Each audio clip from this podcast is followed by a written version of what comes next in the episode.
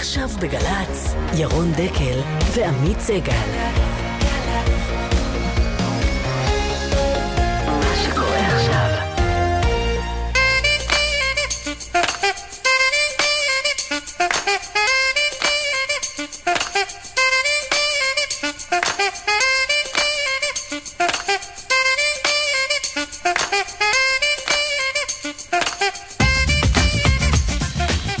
תשע וארבע דקות, גל"צ, שלום עמית. בוקר טוב ירון. היום בירושלים אתה. כן, ירושלים הבנויה.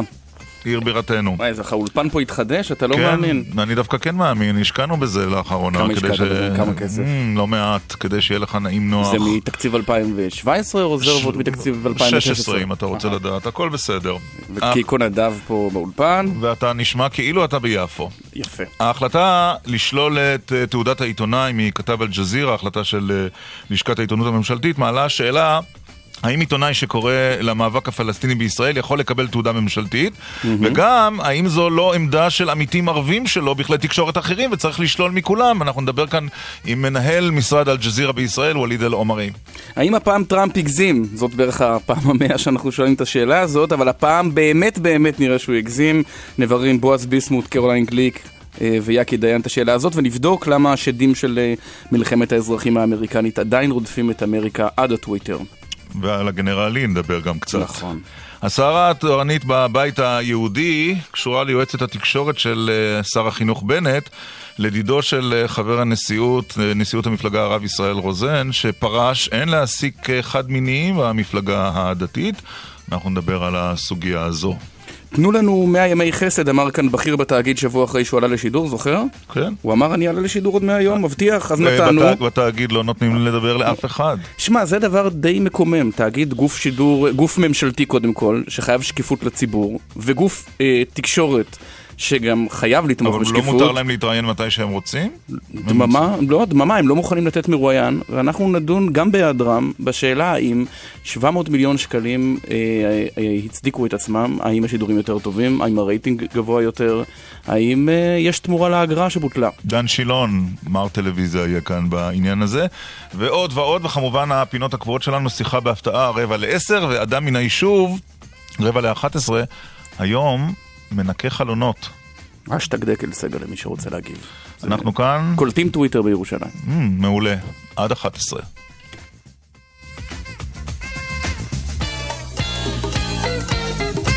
המרואיין הראשון שלנו הבוקר, לטראמפ נגיע עוד מעט, למי שככה מעלה תהייה למה עוד לא הזכרנו, לא, לא פתחנו בטראמפ, הוא מנהל משרד אל-ג'זירה בישראל, ווליד אל-עומרי, שלום, בוקר טוב לך.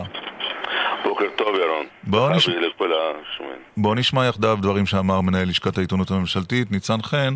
הכלל מרכזי שבגינו אתה מקבל תעודה מטעם מדינת ישראל זה מי שעיקר עיסוקו בתחום החדשות. עכשיו, מי שמגדיר את עצמו, ולא אחד מהדיווחים שלו, אלא חלק גדול מהם, וחלק מההתנגדות הפלסטינית, הוא אינו עוסק אך ורק בדיווח חדשותי, אלא הוא מעיד על עצמו שהוא חלק מנרטיב, חלק ממאבק, חלק מסכסוך הישראלי-פלסטיני, ולכן אה, יש אה, טעם לפגם באתיקה ובכללי ההוגנות האוניברסלית בדיווח החדשותי שלו. לא דברים אה, שנשמעים הגיוניים גם לאוזניך, ווליד אל-עומרי? קודם כל, זה לא מדויק מה שמר ניצן חן דיבר. אליאס קרם לא אמר שהוא חלק. הוא אמר שעיתונאים תחת כיבוש, העבודה שלהם היא חלק מההתקוממות. זה מה שהוא אמר, אבל תן לי לומר לך דבר אחד, זה כל המסע הזה, כל הרדיפה הפוליטית הזאת, מזכירה לנו את האינקוויזיציה בזמנה, ומזכירה לנו גם התנהלותם של משטרים את האינקוויזיציה? חשוכים את היום. האינקוויזיציה כבר התחלנו. עוד לא זה. אנחנו האינקוויזיציה. אני, אה, תן לי להמשיך את דבריי. זה שאתה, שיש כאן כאילו ציד של מחשבות, זה אמר את זה. הרי מה יעשה האדון ניצן חן עם כל אה, המי והמי בעיתונות הישראלית שכל יום, שני וחמישי גם הם מביעים את הדעות שלהם. ויש כאלה אפילו שנותנים הוראות מה לעשות לצבא או לשב"כ או לכל מיני דברים כאלה. אני אומר דבר אחד, יש לך עיתונאי, עיתונאי מקצוען, כן. מספר ראשון, שאתה, אה, שמכירים אותו בחלונות הגבוהים בישראל, זה לא סתם עיתונאי, הוא, את אליאס קרם כולם מכירים, והאיש הזה גם מסתובב ועושה כתבות שלו וכולם מכירים אותו טוב מאוד. מה שקורה עכשיו עם אליאס קרם מצד לשכת העיתונות הממשלתית הוא השיא במסע רדיפה פוליטית מכוון נגד אל-ג'זירה שהתחיל כבר בתחילת אה, החודש שעבר יום אחד לאחר המצור של כמה מדינות ערביות על קטר ואם אתה תחזור לתירוצים שהזכיר שר אה, איוב קרא, שר התקשורת, אתה תבין שמה שיש כאן זה תירוצים פוליטיים. תירוצים פוליטיים להכשיר, לראות שישראל לא מוצאת את עצמה מאחורי, במרכאות, מדינות ערביות אחרות. אבל אני רוצה לשאול אותך, כי הגדרת את זה אה, משהו שמזכיר אינקוויזיציה ורדיפה. אה, אל-ג'זירה היא רשת קטרית. אם אני רוצה מחר בבוקר להקים רשת סניף של ערוץ 2 או של גלי צה"ל בקטר, גלי צה"ל יותר טוב. גלי צה"ל. האם ממשלת קטר תיתן לי? במסגרת הפתיחות שאתה דורש מאיתנו. תלך, תשאל את קטר. קטר מדינה ויודעת אה. להביע את העמדה שלה, הרי היו גם שם... לא, השאלה אם לזה אתה קורא אינקוויזיציה. לא, ווליד, השאלה אם גם זאת אינקוויזיציה. בוא תחווה את דעתך העקרונית. למה העובדה שעיתונאי ישראלי לא יכול לדווח מקטר איננה אינקוויזיציה? מי אמר לך שלא הלכו לשם ודיווחו ועשו כתבות? ולהגיד מה שהוא רוצה, בחייך. יש לך הרבה עיתונאים ישראלים שנסעו לשם. הרי אני לא מייצג את קטר כאן, אני מייצג את אל-ג'זירה. אני אדבר בשם אל-ג'זירה. אל-ג'זירה זה אמצעי תקשורת שמתיימר להיות אמצעי תקשורת מוכר, מוג... הוגן בכל העולם, מכירים אותו, וזה לא קם אתמול.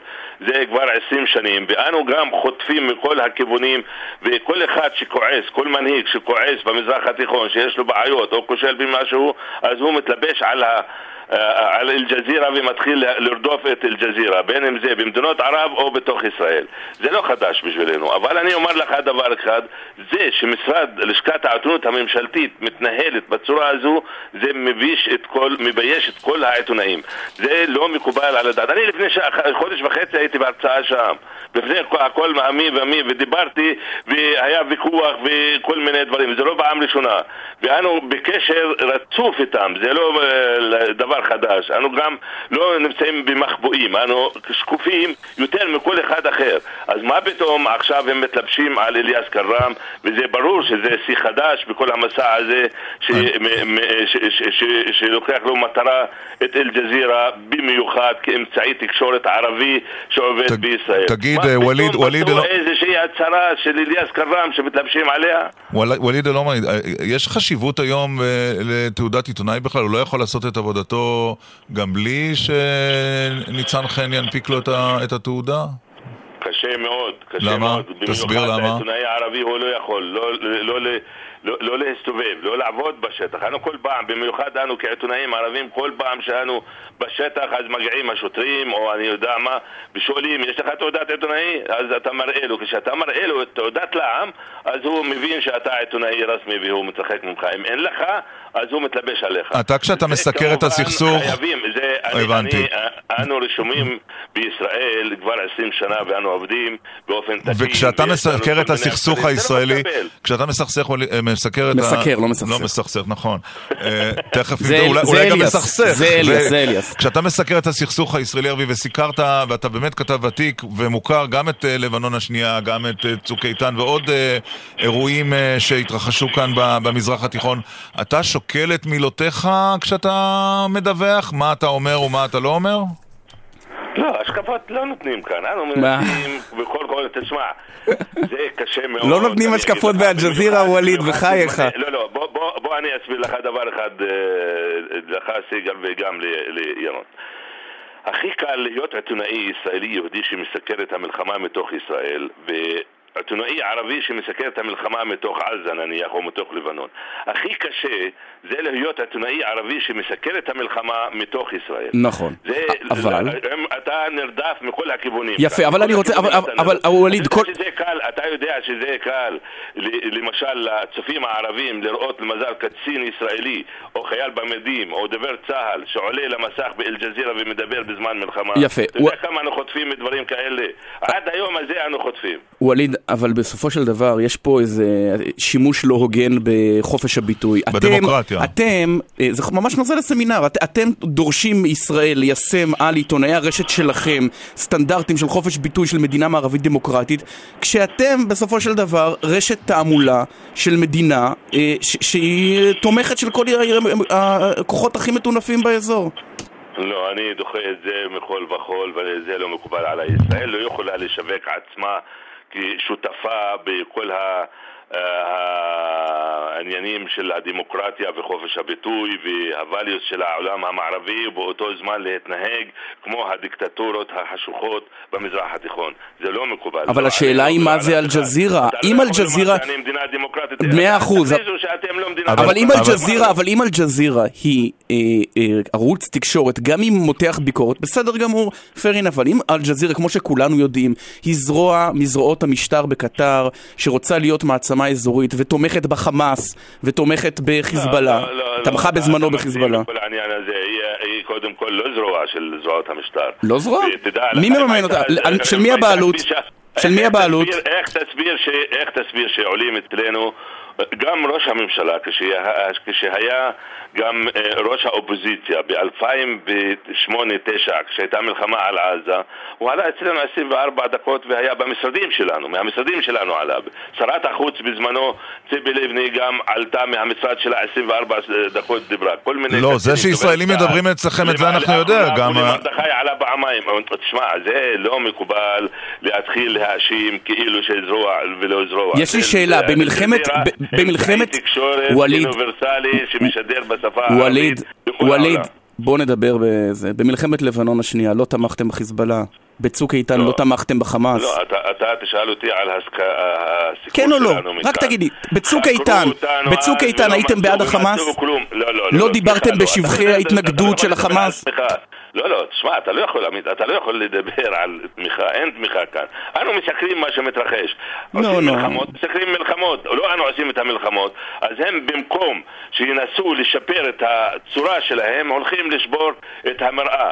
זה כמו אל-ג'זירה. אנו, זה רפלקטינג, זה משקף מה שמתרחש בשטח. זה מה שקורה.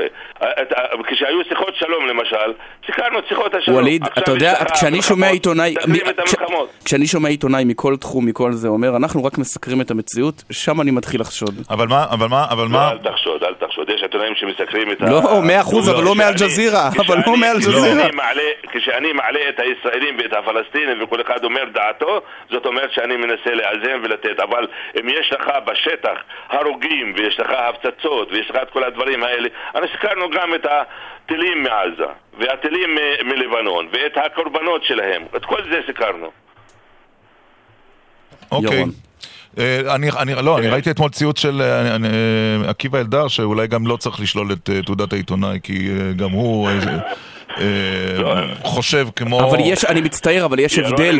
להביא הקו הזה, זה יגיע אליך גם. לא, לא, לא, יש אני לא יש בטוח הבדל, אני אגיד לך. אני אגיד לך למה זה לא יגיע, אבל אני- הם ימשיכו בקו הזה, הם יצטרכו לא. לשלול את התעודות של כל העיתונאים. אה, יש לי תחושה. עדיין הייתי מעדיף לגור פה מאשר בקטר, אבל כעיתונאי ובכלל כאזרח, אבל יש הבדל דרמטי. יש עיתונאים, יש עיתונאים, לא ווליד, ווליד. יש אני- עיתונאים, אני לא- אני לא לא מייצג, אני לא מייצג מדינה. יש עיתונאים, יש עיתונאים. בהארץ או בעיתונים אחרים שכתבו שהם מבקשים סליחה מהמחבל שירצח אותם ואף אחד לא שולל את התעודה. יש הבדל, איפה, מי- יש, לא, יש, יש עיתונאים ואין להם שום לא סכנה. זה, אני לא אני יודע שאתה לא, בדיוק. ולכן אני אומר, גם אני אם לא היית אומר את זה, אנו חיים בסכסוך אלים, זוועות. בין אם זה ערבים או יהודים, זה סכסוך אלים. זה, זה, המנהיגות תפקידה כבר להוביל לאיזשהו שלום והתפייסות בין העמים. אבל כשיש לך, אנו כבר חודשיים סובלים מרדיפה פוליטית והסתה והגיעו למשרדים שלנו פעמיים גם שלושה ממנהיגי המתנחלים בחברון שבאו עם קולי פלקטים ודורשים לסגור את המשרד וזה התחיל כבר, ההשלמה התחילה אחרי שהמתנחלים האלה, האלה אוקיי. התחילו לזוז אז זה, זה מובן מאליו שיש כאן רדיפה פוליטית אין לי הסבר אחר טוב, אנחנו נעצור כאן. אה, תודה רבה לך, ווליד אל-עומרי, מנהל משרד אל-ג'זירה בישראל. תודה, תודה גדעון אה, מאיר, לשעבר אה, בכיר במשרד החוץ, כותב, אה, סמנכ"ל משרד החוץ, כותב בטוויטר, אל-ג'זירה בערבית היא רשת תעמולה במלוא מובן המילה. עומר כותב, הדובר מטעם אל-ג'זירה מצליח לצאת עוד יותר קוזק נגזל מבדרך כלל. עכשיו לטראמפ. כן. שלום לבועז ביסמוט, עורך ישראל היום. בוקר טוב ירון, בוקר טוב עמית. זה לא סיפור כל כך מבחינתכם, נכון? משהו קטן. זה סיפור, זה בעיתון. טוב, עמוד עשר- עמוד 24. אתה יודע, שאלה, שאלת שאלה ותקבל תשובה. לצד זה התמונות... לא סיפור, זה סיפורונצ'יק. ההתייחסות שלי לסיפור הזה היא שונה, ואתה יודע, זאת אומרת, אתה עכשיו יוצא מתוך הנחה ירון, שכולנו צריכים להגיד באותה דרך, לחשוב אותו דבר, תגיד לי פשוט, אם אנחנו כולם צריכים לחשוב אותו דבר, אז בוא נעשה עיתון אחד בעולם, וכולו, אתה יודע, או עיתון אחיד, למה זה לא סיפור? חשיבה אחידה. לא, אני תסביר. אמרתי שזה לא סיפור, זה בעיתון, אני רק אסביר לך. אוקיי. לא סיפור, סליחה, סליחה, אני אתקן את עצמי. זה לא, שאלת, זה לא, אני. כן, לא, ירון, רגע, בועז, תן לי רגע. להסביר לך, תן לי להסביר לך, תן לי להסביר. אני רק רוצה אני- לתקן את אני- עצמי, בועז. זה- נו. זה לא סיפור חשוב. זה סיפור, אה, זה לא סיפור של ראשית היה לטעמי היום, וידעתי, זאת אומרת, אתמול בערב, אתה יודע, אתה כבר יכול לנחש את הכותרות או את הראשיות של אה, כלי תקשורת אחרים. נכון. אה, גם יכולתי לקבל רמז במהדורות הטלוויזיה. ויכולתי כמובן ליישר קו, אין דבר קל מזה, ליישר קו, ואז הייתי גם מקבל ליטופים. בבוקר גם היית אומר לי כמה אני צודק וכמה אני עורך נפלא, ולא היית להפך אה, בא וראית שאני דווקא מרצון עולה בשידור, כי הנחתי שאתה תבקר את ההחלטה הזו. לא רק אתה, אני מניח שהרבה מאוד מעמיתיי אה, אה, בברנצ'ה תקרא לזה, אבל אני לא מתרגש מזה, כי זה אני מאמין שלי וככה אני חושב, אבל אני גם מסביר מה המניעים ומה הסיבות. בוא, זהו, זאת, זאת השאלה, רק נתחיל- כדי, רק כדי להבהיר. עמוד 24 באיזה ידיעה, זה, כן. זה לא רק לחשוב שזה לא סיפור, אני בטוח שישבתם ואמרתם זאת גם אמירה. מה האמירה שהתכוונת להשמיע בלשים את זה בעמוד 24? תראה, אני תיארתי לעצמי, זאת אומרת, אני כבר, אה, כמו שאמרתי לך, תיארתי לעצמי כבר שבעיתונים אחרים, כאן ירבו, באמת אה, טראמפ אה, יוצג כגזען, כחשוך וכאדם שלא גינה את הדוחים והמגעילים אה, מהימין הקיצוני, הפעילים הניאו-נאצים שהיו שם. אז קודם כל בואו נשים דברים אה, אה, במקום שלמען אה, אה, אה, הדברים יהיו אה, אה, אה, ברורים. כאשר אה, נשיא הברית, או כאשר יש לך מפגינים ניאו-נאצים, כאשר אתה רואה צלב קרס, כן? כאשר אתה רואה צלב קרס, מיד, באופן טבעי, באופן טבעי, ולא משנה מי נמצא מולו, אתה באופן טבעי כמובן מקבל בחילה, כן? דאגה, חלחלה, מה שאתה רק רוצה, מהחבר'ה האלה, ותמיד חושב שאלה הגרועים יותר, וזה דבר שהוא סופר טבעי. מצד שני, ההגינות של עיתונאי מחייבת אותנו גם להגיד שהסיפור הזה, כאשר נשיא ארצות הברית בא ומגנה את האלימות בשני הצדדים, שנייה אחת. אז אני לא חיכיתי עכשיו לטראמפ כדי להזדעזע ממשפט שכזה. אני במשך שנים כעיתונאי, כעיתונאי ישראלי בחו"ל, כאשר היו פה פיגועים מתועבים, מתועבים, ורוצח חולני, רוצח איזה צעירה או, או ילד אה, אה, יהודי, כן. ואחרי זה בא נשיא צרפת, אני סתם ניקח בהיסטוריה, ז'אק שיראק ואומר, אני מגנה את האלימות בשני הצדדים, אותי זה כבר זעזע כבר אז. כן, אבל הסיפור. בועז, הוא נחזור לא. רק המפגינים, אלא אל התגובה של הנשיא. מה ששנוא עליך, אל תעשה לחבריך. אם זה זעזע אותך, אז אל. תגיד עכשיו. הסיפור העיתונאי הוא התגובה של לתגובה הנשיא. של הנשיא. כן. שני דברים, תרשו לי. אחד במישור האישי, אחד במישור הלאומי. במישור, בוא נתחיל דווקא עם הרציונל ואחרי זה יותר עם האמוציונל. בוא נתחיל עם הרציונל כי זה יותר חשוב. תראה, מדובר פה בנשיא של המעצמה מספר אחת בעולם, ידיד אמת של מדינת ישראל. נו.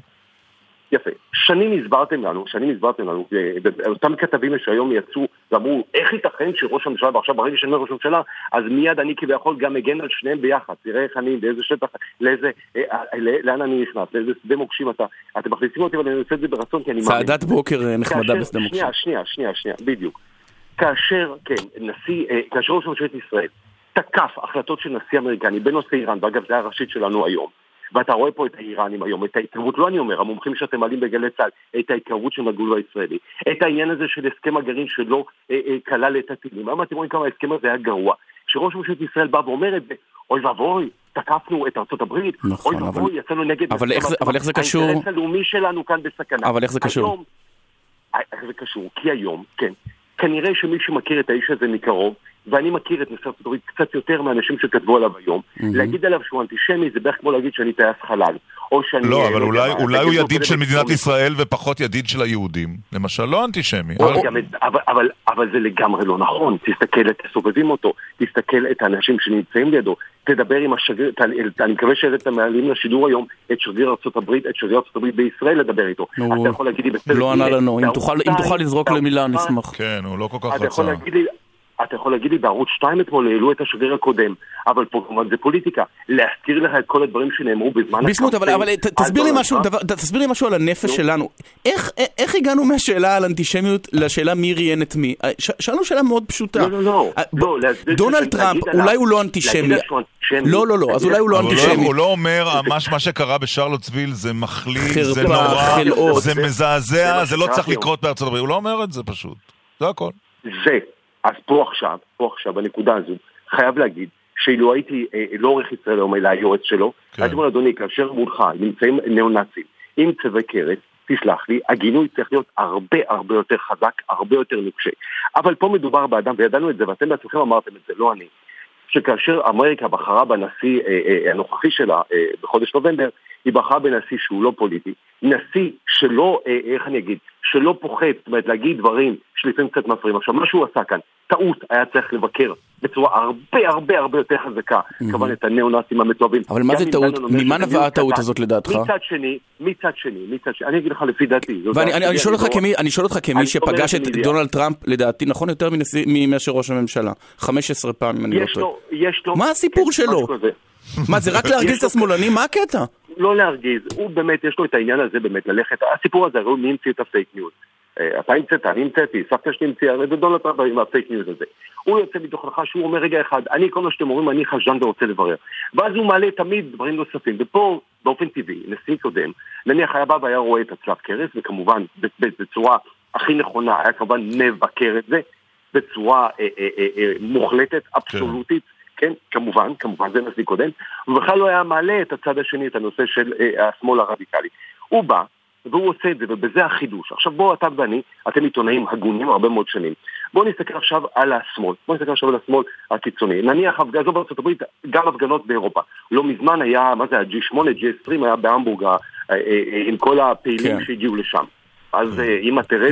אתה גוזר גזירה שווה בין השמאל הקיצוני לבין ניאו-נאצים לא שמניפים יד במו על יד? בין אלימות לאלימות, זה מה שאתה גזירה שווה. ירון, ירון, ירון, ירון, אני לא אמרתי את זה. אה, אוקיי. הרי בתחילת התוכנית אמרתי, בתחילת התוכנית אמרתי, שבקריירה העיתונאית שלי אתה תראה אותי נפגש עם הרבה מאוד, דיברת של אל-ג'זירה, עם מנהיגים ערבים, איראנים, מעולם, תחפש, מעולם לא תראה רעיון שלי עם מישהו מהימין הקיצוני, מעולם. אוקיי. 16 שנה, 14 אוקיי. שנה כתב ידיעות בפריז, מעולם לא ראית מרין לופן.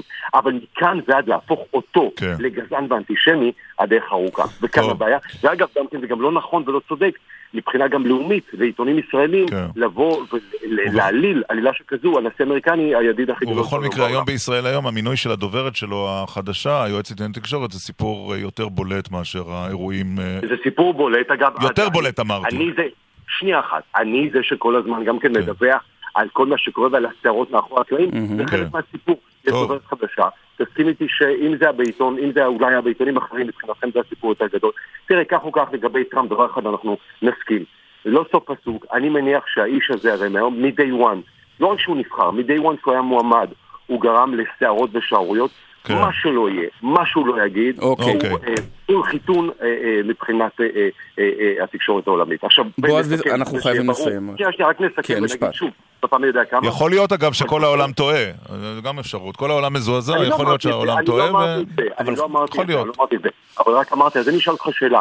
השמאל הרדיקלי ילדים טובים מירושלים? אני חושב שלא. ניאו-נאצים הכי גרוע בעולם? כן, בזה הסכמנו. אוקיי. בועז ביסמוס, תודה. תודה רבה. עורך ישראל היום.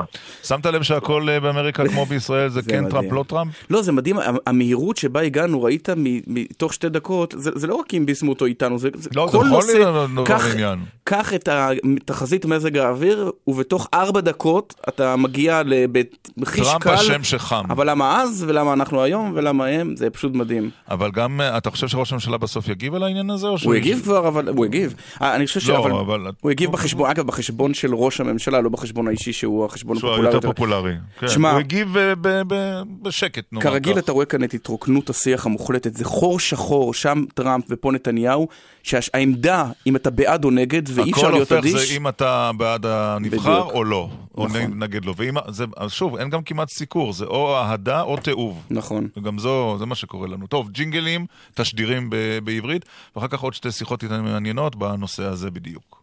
אתם מאזינים לגל"צ.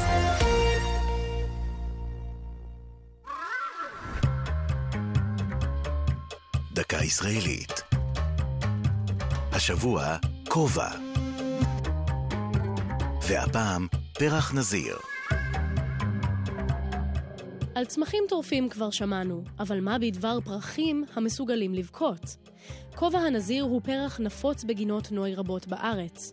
עלי הכותרת שלו יוצרים יחד צורת מצנפת הנוטה כלפי מטה ומזכירה כובע של נזיר, מכאן שמו הנפוץ. במהלך שעות הבוקר אפשר להבחין בשולי העלים בטיפות קטנות המזכירות דמעות. תהליך זה נקרא אכן דמיעה, והוא עשוי להיראות כמו טיפות טל של הבוקר, אולם מדובר בנוזל המופרש מצינורות הובלת המים שבצמח. מקורו של כובע הנזיר בפרו. מכיוון שהוא מסוגל להתרבות בכל צורות הרבייה באופן טבעי ובאחוזי הצלחה גבוהים, התפשט הפרח ברחבי העולם והגיע גם אלינו. לפרח כובע הנזיר עוד תכונות מלבד הוזלת הדמעות. ריחו חזק וטעמו חריף, ומזכיר צנון או חרדל. נסו לטבל בו סלט או סוגי גבינות. הפרח עשיר גם בוויטמין C, ואפשר לרקוח ממנו תרופות שונות. מלבד זאת, צבעיו, צהוב, כתום ואדום, הופכים אותו לקישוט משובב עין בכל גינה. זו הייתה דקה ישראלית על כובע הנזיר.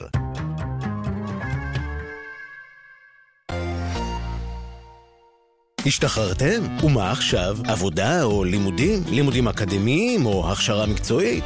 מבולבלים? האגף והקרן לחיילים משוחררים במשרד הביטחון ישתתפו במימון אבחון מקצועי אשר יעניק לכם את הכלים להחליט נכון בנוגע לעתידכם. עוד פרטים? חייגו 03-777-6770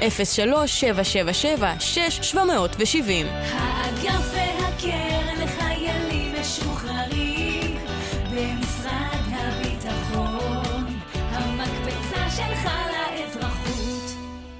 עומדות היו רגלינו בשערייך ירושלים, ירושלים הבנויה כי עיר שחוברה לה. חושבים שאתם מכירים כל פינה בירושלים? אתם מוזמנים עם כל המשפחה לירושלים שלא הכרתם, עם מגוון פעילויות במרכז בגין, ציורי משפחות אל פינות נסתרות, ציורי הששיות, תיאטרון מסייר, מסע אור קולי במוזיאון בגין ועוד. לפרטים 02-565-2020 יזמים, משקיעים, מעסיקים ותעשיינים. הגיע זמן צפון. משרד הכלכלה מפתח את התעשייה הישראלית ומקדם את הצפון. מגוון תמריצים, מסלולים ייחודיים והטבות יוענקו לכם במסגרת התוכנית לקידום הצפון של משרד הכלכלה. אנחנו משקיעים וזה שווה לכם המון. פרטים באתר משרד הכלכלה והתעשייה. משרד הכלכלה, כלכלה חזקה בשבילך. מתי אמרת שזה מתחיל? בשבע מותק, אבל בקצב הזה אנחנו בחיים לא נגיע. אני לא מאמין שאין חניה, אין, אין, אין. אמרתי לך שהיינו צריכים לצאת קודם. רגע, אני יודעת איפה אפשר לחנות. איפה? בבית.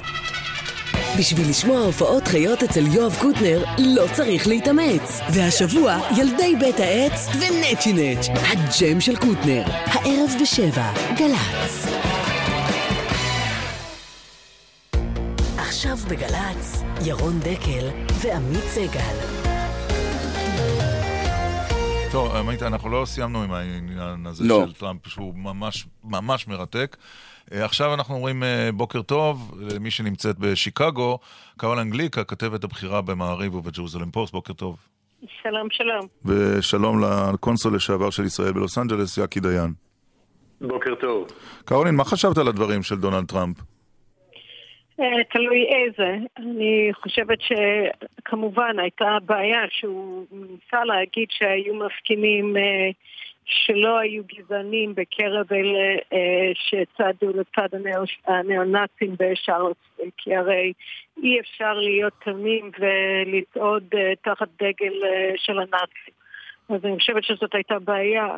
ומצד שני, אני חושבת שהנקודה שהוא הבהיר פעמיים, גם בשבת, בהודעה הראשונה שלו וגם במסיבת העיתונאים שלו אה, ביום שלישי, הייתה נכונה, שבאמת היו שם שני, ש, ש, היו שם שתי קבוצות מאוד מאוד אלימות, שהתפוצצו זו איתו. כן, אבל... והניסיון, אה, אה, הניסיון אה, להגיד שצד אחד היו צד אחד, דרס. פולין ומצד שני היו האס-אס, אז זה פשוט סילוב של העובדות. כן, אבל יש הבדל, אה, קרוליין גליק, הרי בסוף... הוא, הוא אמר, אה, באמת תשמעי גינוי מאוד חריף, אבל יממה אחר כך מתייצב בניו יורק ומשמיע דברים שאי אפשר אה, לראות אותם אלא כ... אה, הגנה, הגנה, תמיכה הגנה על. חבורה מהמטונפות ביותר שיש בארצות הברית. אני לא חושבת ש, שזה נכון. אני, כפי שאני אמרתי, מה שהוא אמר לגבי uh, כאילו היו שם uh, משתתפים uh, תמימים לצד דיוויד דיוק וכל החברים הדוחים שלו, האלימים שלו והמסוכנים שלו, הייתה טעות. אבל הייתה לו גם, היה לו גם מסר מאוד חשוב. שהוא הבהיר פעמיים, וזה דבר שחייבים uh, להבין וחייבים לדבר עליו וחייבים לתת עליו את הדעת. זה שהאלימות בשמאל גואה. ואחד מהדברים האירוניים הייתה שביום התקרית בשרלוטסוויל יצא הגיליון ספטמבר של הירחון אטלנטית שהכתבה, השער של המגזין היה עליית השמאל האלים. הוא נכתב על ידי לא אחר מאשר פיטר ביינארט, העיתונאי היהודי-אמריקני האנטי-ישראלי. והוא דיבר שם בדיוק על אותה קבוצה שנקראת אנטיפה או אנטי-פשיזם, שעמד במוקד ההפגנה נגד הנאו-נאצים בשבת. ואנטיפה בעצם הוא ארגון מאוד מאוד אלים, שעומד מאחורי כל התקריות האלימות בקמפוסים בשנה שעברה, וגם לא בקמפוסים נגד תומכי טראמפ שיצאו מהצהרות תמיכה שלו אה, בסן חוזה, קליפורניה למשל, בקיץ שעבר, אה, כן.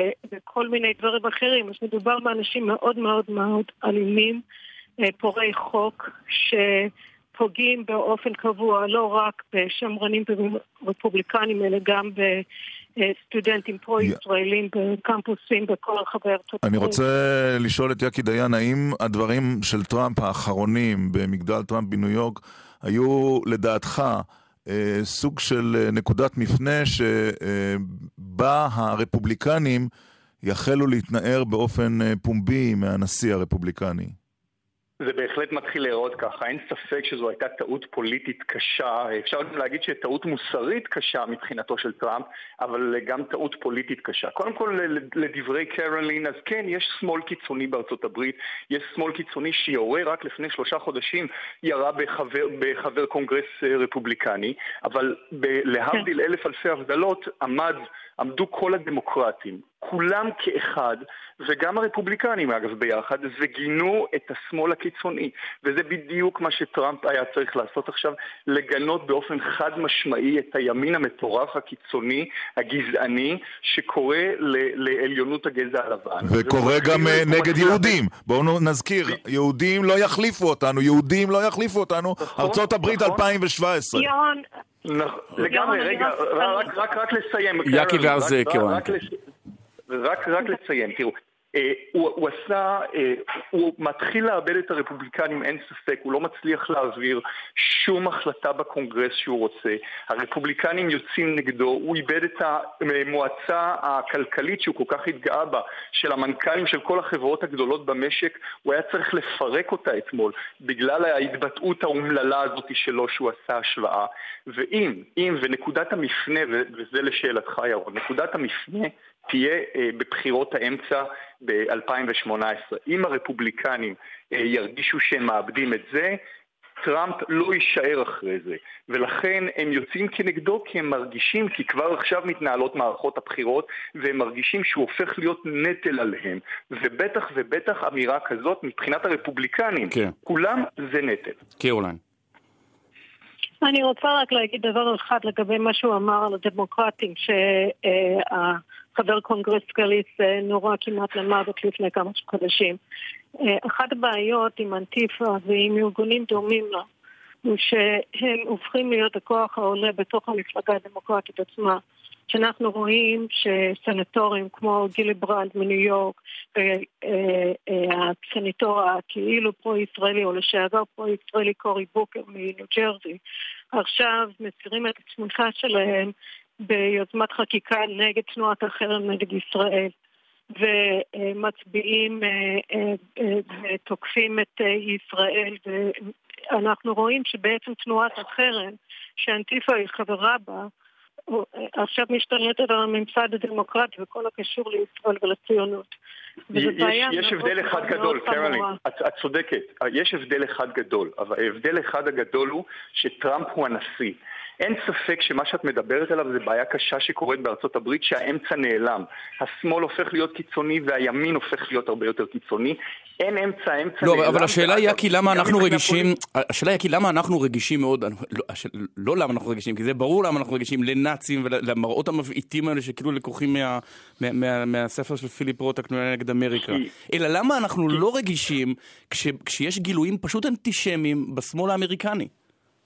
לא, אנחנו בהחלט רגישים ואנחנו צריכים להיות רגישים ואני חושב שנכון לא, זה פחות בא לידי ביטוי כאן בתקשורת, זה פחות בא לידי ביטוי, אבל אנחנו, אבל שנשיא, שנשיא שהוא אמור להיות דמות מאחדת עומד ואומר, יש, כש- כשניאו-נאצי אה, אה, פשוט דורס, ו- ובכלל ניאו-נאצים ב-2017 מסתובבים ברחובות אה, ארצות הברית עם, עם הסמלים האלה. עמו על נכון יד, שיש כאן- עמו על יד. עמו עם- עמו על יד, וזה נכון ש, שהחוקה מאפשרת להם, את כל, כל חופש הדיבור מאפשר להם. נשיא צריך להיות בסופו של דבר גורם מאחד, והוא לא בגינוי רפה ובגינוי שלא אה, מציין בעוצמה עד כמה הבעיה פה ב- ב- בניאו-נאצים הוא בעייתי. אתה צודק, עמית, שפה בתקשורת, כשהשמאל הקיצוני, ויש הרבה שמאל קיצוני בארצות הברית, ודיברנו על זה שלפני שלושה חודשים, היה, זה פחות בא לידי ביטוי בתקשורת, וזה צריך לבוא לידי ביטוי בתקשורת פה. אבל בסופו של דבר נשיא, וזה הנשיא השני, ברצ... יותר מהשני ברציפות, אבל בעיקר שני ברציפות אחרי אובמה, שהוא דמות מפרדת, מפלגת, ולא מאחדת, וזה בדיוק מה שנשיא האמריקאי לא צריך להיות. האם קרולין את רואה אה, דרך שהנשיא, גם בעקבות הדברים האלה וגם בעקבות הפעילות הקודמת שלו, בסופו של דבר יאבד את הרפובליקנים וזה יוביל למהלך שעליו מדבר התיקון ה-25 בחוקת ארצות הברית, שבו הש- הנבצרות... לא השאלה אה, השבועית מאז אני לא בחירתו. רואה כאן, אה, אני- כן, לא משהו כזה. אה, הליכי הדחה באופק, משום שאין דבר שיאחד ויחזק את הרפובליקנים יותר מאשר מהלך כזה, עדיף האיום מאשר הביצוע. אוקיי, ש- שאלה... אבל אני חושבת שבהחלט הרפובליקנים אף כן. פעם לא תמכו בטראמפ ולא קיבלו אותו באמת כמנהיג של המפלגה, כך שזה לא כל כך מפתיע שהם גם לא מגבים אותו הוא, הוא בצבא. לא נבחר, הוא לא היה צריך אותם כדי להיבחר, זה מה שאת אומרת. שאלה לסיום משניכם, האם דונלד טראמפ, יש בו בסוף יסודות אנטישמיים?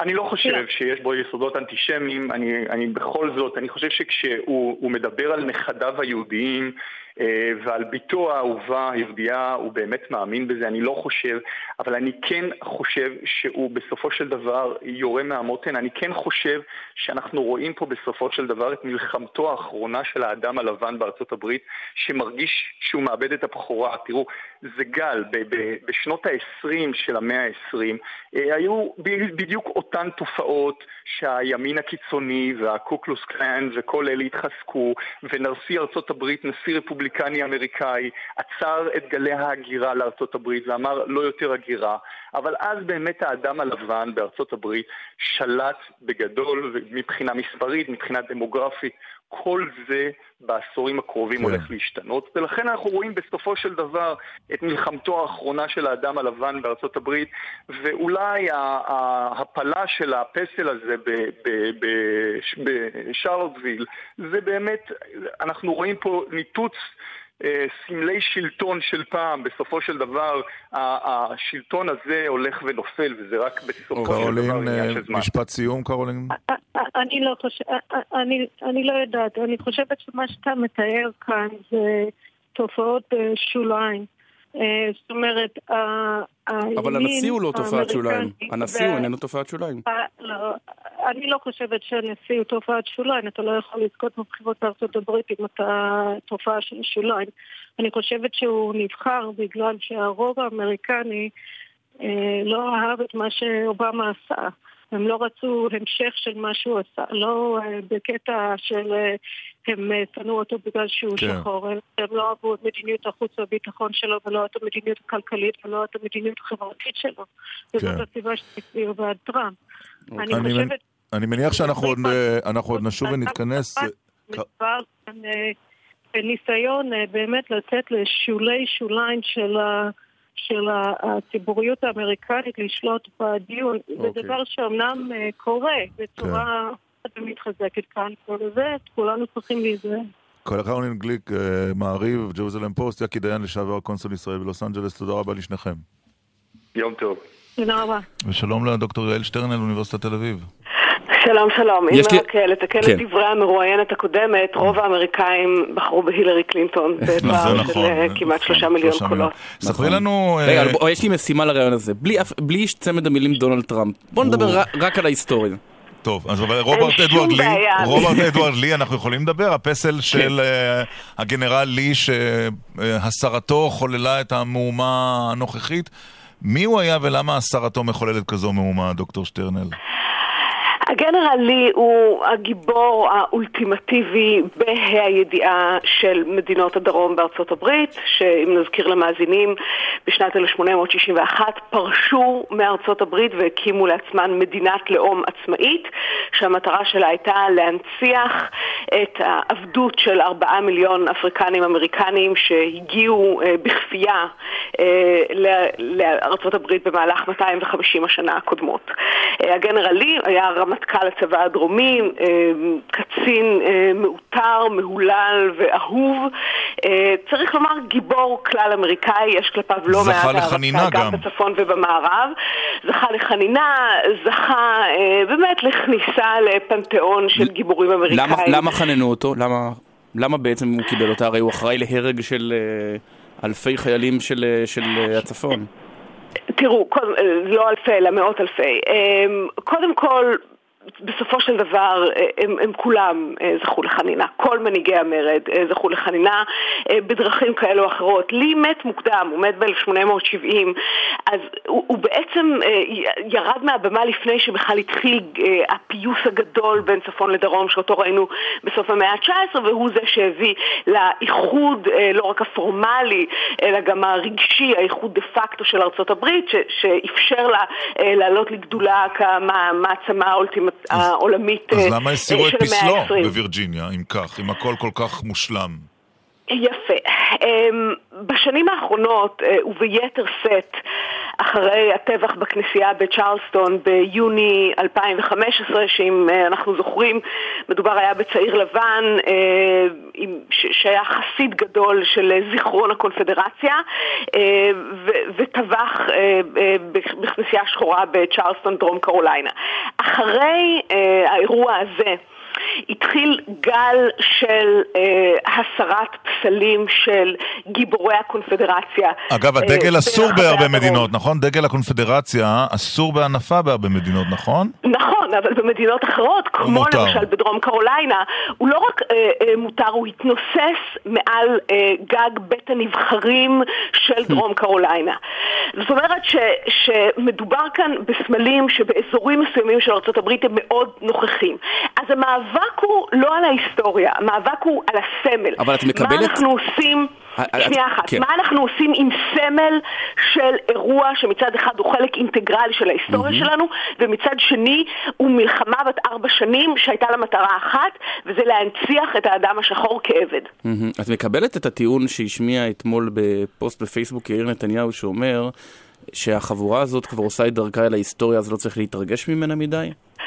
אני לא מבינה איך אפשר לא להתרגש אה, מפיגוע דריסה אה, בלב עיירת קולג' שלווה, אני לא מבינה איך אפשר לא להתרגש אה, אל מול צעדות של אה, ניאו-נאצים אה, ליד אה, בתי כנסת.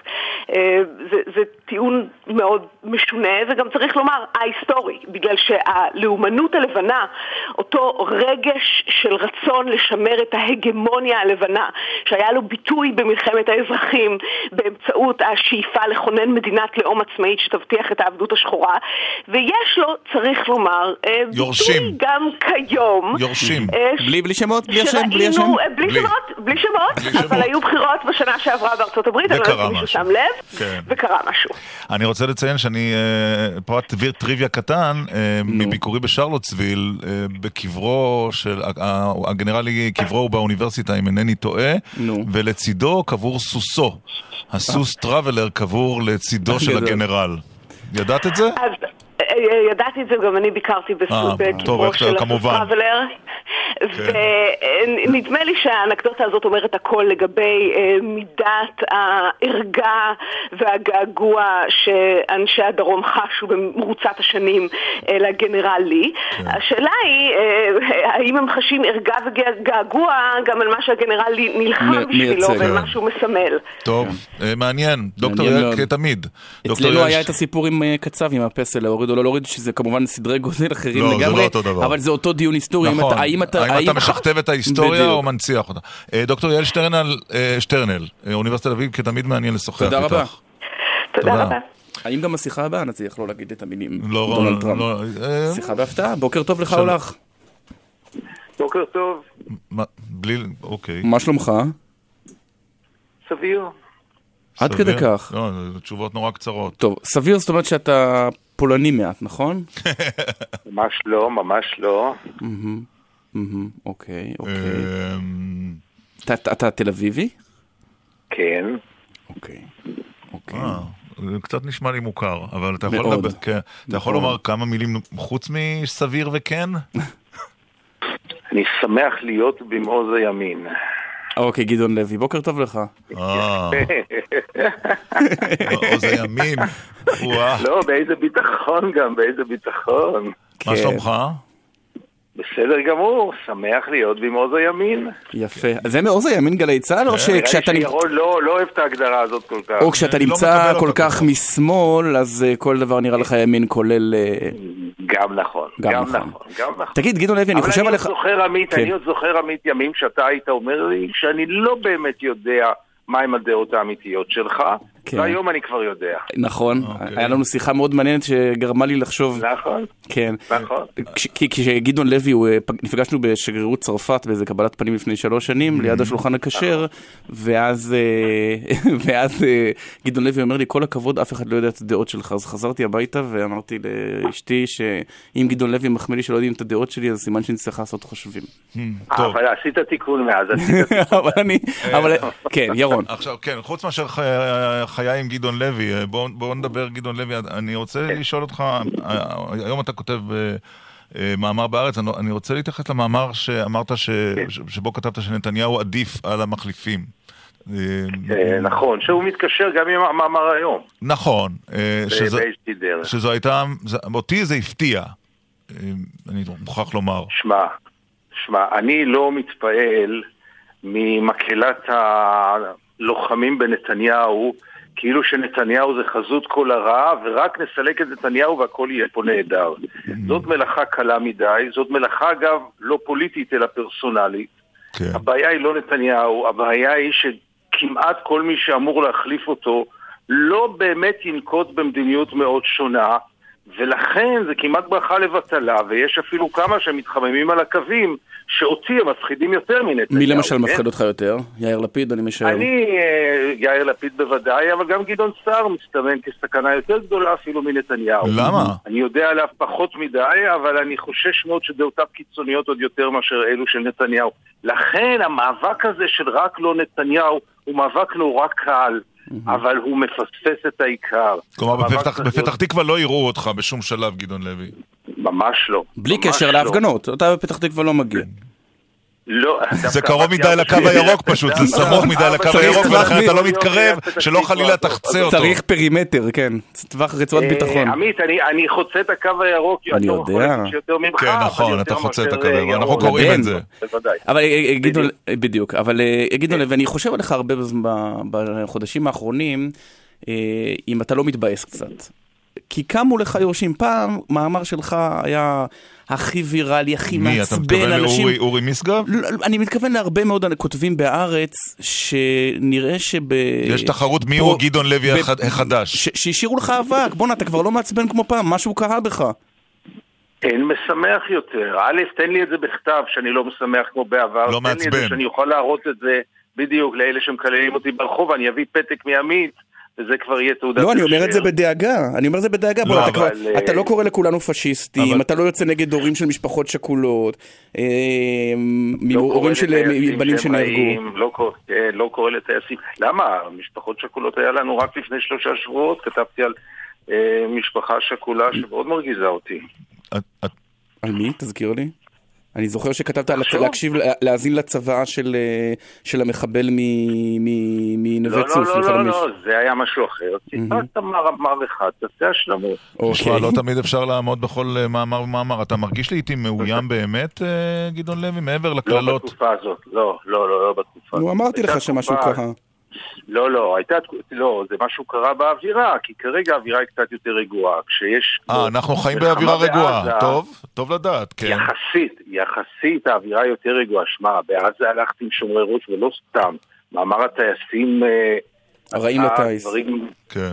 לא רק, אגב, לא רק מאמר הטייסים, אלא התקופה, אז אני רוצה להזכיר לכם שאז אנשי שמאל פחדו ללכת להפגין, זה לא היה מעולם. הייתה- כן היו- אחרי כן. היו לך ב- ב- במהלך הקריירה הארוכה שלך, גדעון לוי, איזה שהן שיחות עם המו"ל, שמהנימה שלו נשמעה אמירה כמו אולי תמתן קצת? למשל אחרי אותו מאמר רעים לטיס שעלה לארץ לא, לפי כמה לא, אל הערכות, תפסיק למעלה- לכתוב, אבל למעלה תמתן קצת, אנחנו למעלה ממיליון. שקל בביטולי מנויים. היו שיחות כאלה? רק, רק הפוכות. היו שיחות וכולן היו רק הפוכות.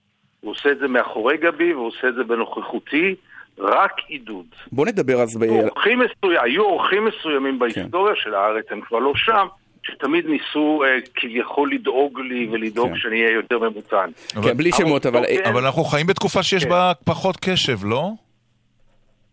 אני לא יודע, אני לא יודע, הוא פשוט מתפזר יותר, אני לא חושב, תראה מה שעושה- עושות הרשתות החברתיות, אתה לא יכול להגיד פחות. כסף. להפך. בוא, בוא נדבר מה על? אבל בוא נדבר על המאמר שכתבת על אה, להקשיב לצוואת המחבל, אתה, אה, ש, שבעצם הוא מדבר על הכיבוש. הכיבוש ב- משנת 67 לא מוזכר בכלל שם, הוא מדבר על בני הקופים והחזירים, והיינו ממשיכים להיות בני קופים וחזירים לשיטתו, גם אם היינו מרוכזים רק באזור תל אביב ובנותיה. שמע, כל אחד בוחר לעצמו מה שהוא בוחר לעצמו. אני בחרתי את הפסקה הנוגעת ללב על זה שצעיר כותב שיש לי חלומות ואני לא אוכל לעולם להגשים אותן כי יש כיבוש בחצר ביתי. מהמם, כן. לא 67 של בני, ולא קופ, של, 48 בני קופים. של בני קופים וחזירים. בני קופים, שמע, גם בתנ"ך שלנו יש לא מעט פסוקים מזעזעים, כן, אבל, כן? נכון, אבל אם אדם היה רוצח עם פסוקים פסוק מהתנ"ך, אני אשאל אותך. את זה אחרת, מה היית אומר על עיתונאי שהיה אה, עיתונאי חרדי או דתי-לאומי, שהיה לוקח את אה, צוואתו של ישי שליסל, הרוצח ממצעד הגאווה, ואומר שצריך להאזין לכאב שלו, כמה כואב לו שצועד מצעד גאווה, וזה הזמן לעצור את זה, מה היית אומר? ממש לא הייתי מקבל, ההשוואה היא ממש לא נכונה. הבחור, המחבל שאתם קוראים לו מהצוואה, חי... מה זה שאנחנו. קוראים לו? לא ניכנס לזה עכשיו. לא, למה לא ניכנס? במציאות. לא, בוא ניכנס, בוא ניכנס. מה זאת אומרת שאתם קוראים לו? איך אתה קורא שימוש לו? במחבל לכל... תשמע, השימוש במחבל לכל ילדה עם מספריים שהולכת להתאבד. לא, לא, מספריים, לא, אנחנו מדברים על זה. הוא רצח לרוצח של משפחה. מה זה שאתם כל קוראים לו? ילדה עם הוא מספריים. מחבל, הוא אוקיי, מחבל, אבל לא. כולם מחבלים. הוא אה, מחבל, תודה דיון, רבה. אין דיון. אז למה אמרת אתם אני קוראים לא לו? רציתי לפתוח את הדיון. אוקיי. לא, כי קוראים לכולם מחבלים, כן? כל רוצח הוא גם ילדה מחבל, בת כן, 14, נכון. וטוב, בעיניך, לא בעיניי, אבל נחזור רגע לעניין. איך כן, במשפט, כי התוכנית נגמרת, כן. שלי- שליסל חי תחת דיכוי, שליסל חי תחת ברוטליות של צבא, שליסל אין לו חירות. איך אוקיי. אתה יכול בכלל להשוות את שליסל אליו? נעצור כאן. גדעון לוי, רציתי עוד לשאול אם יש לך איזה חבר ימני, אבל העוד של יש לו- התוכנית... יש לו ילד ממעלה אדומים, מה אתה... אז בסדר. לא, לא, לא, לא, כולם משפחה רחוקה, אל תפריז פה, אל תפריז פה. משפחה תודה. רחוקה. שיחה נכון, בהפתעה לשעבר, עם נכון, גדעון לוי. מהארץ, חדשות ואנחנו חוזרים, דקל סגל. תודה, גדעון לוי. ירון דקל ועמית סגל.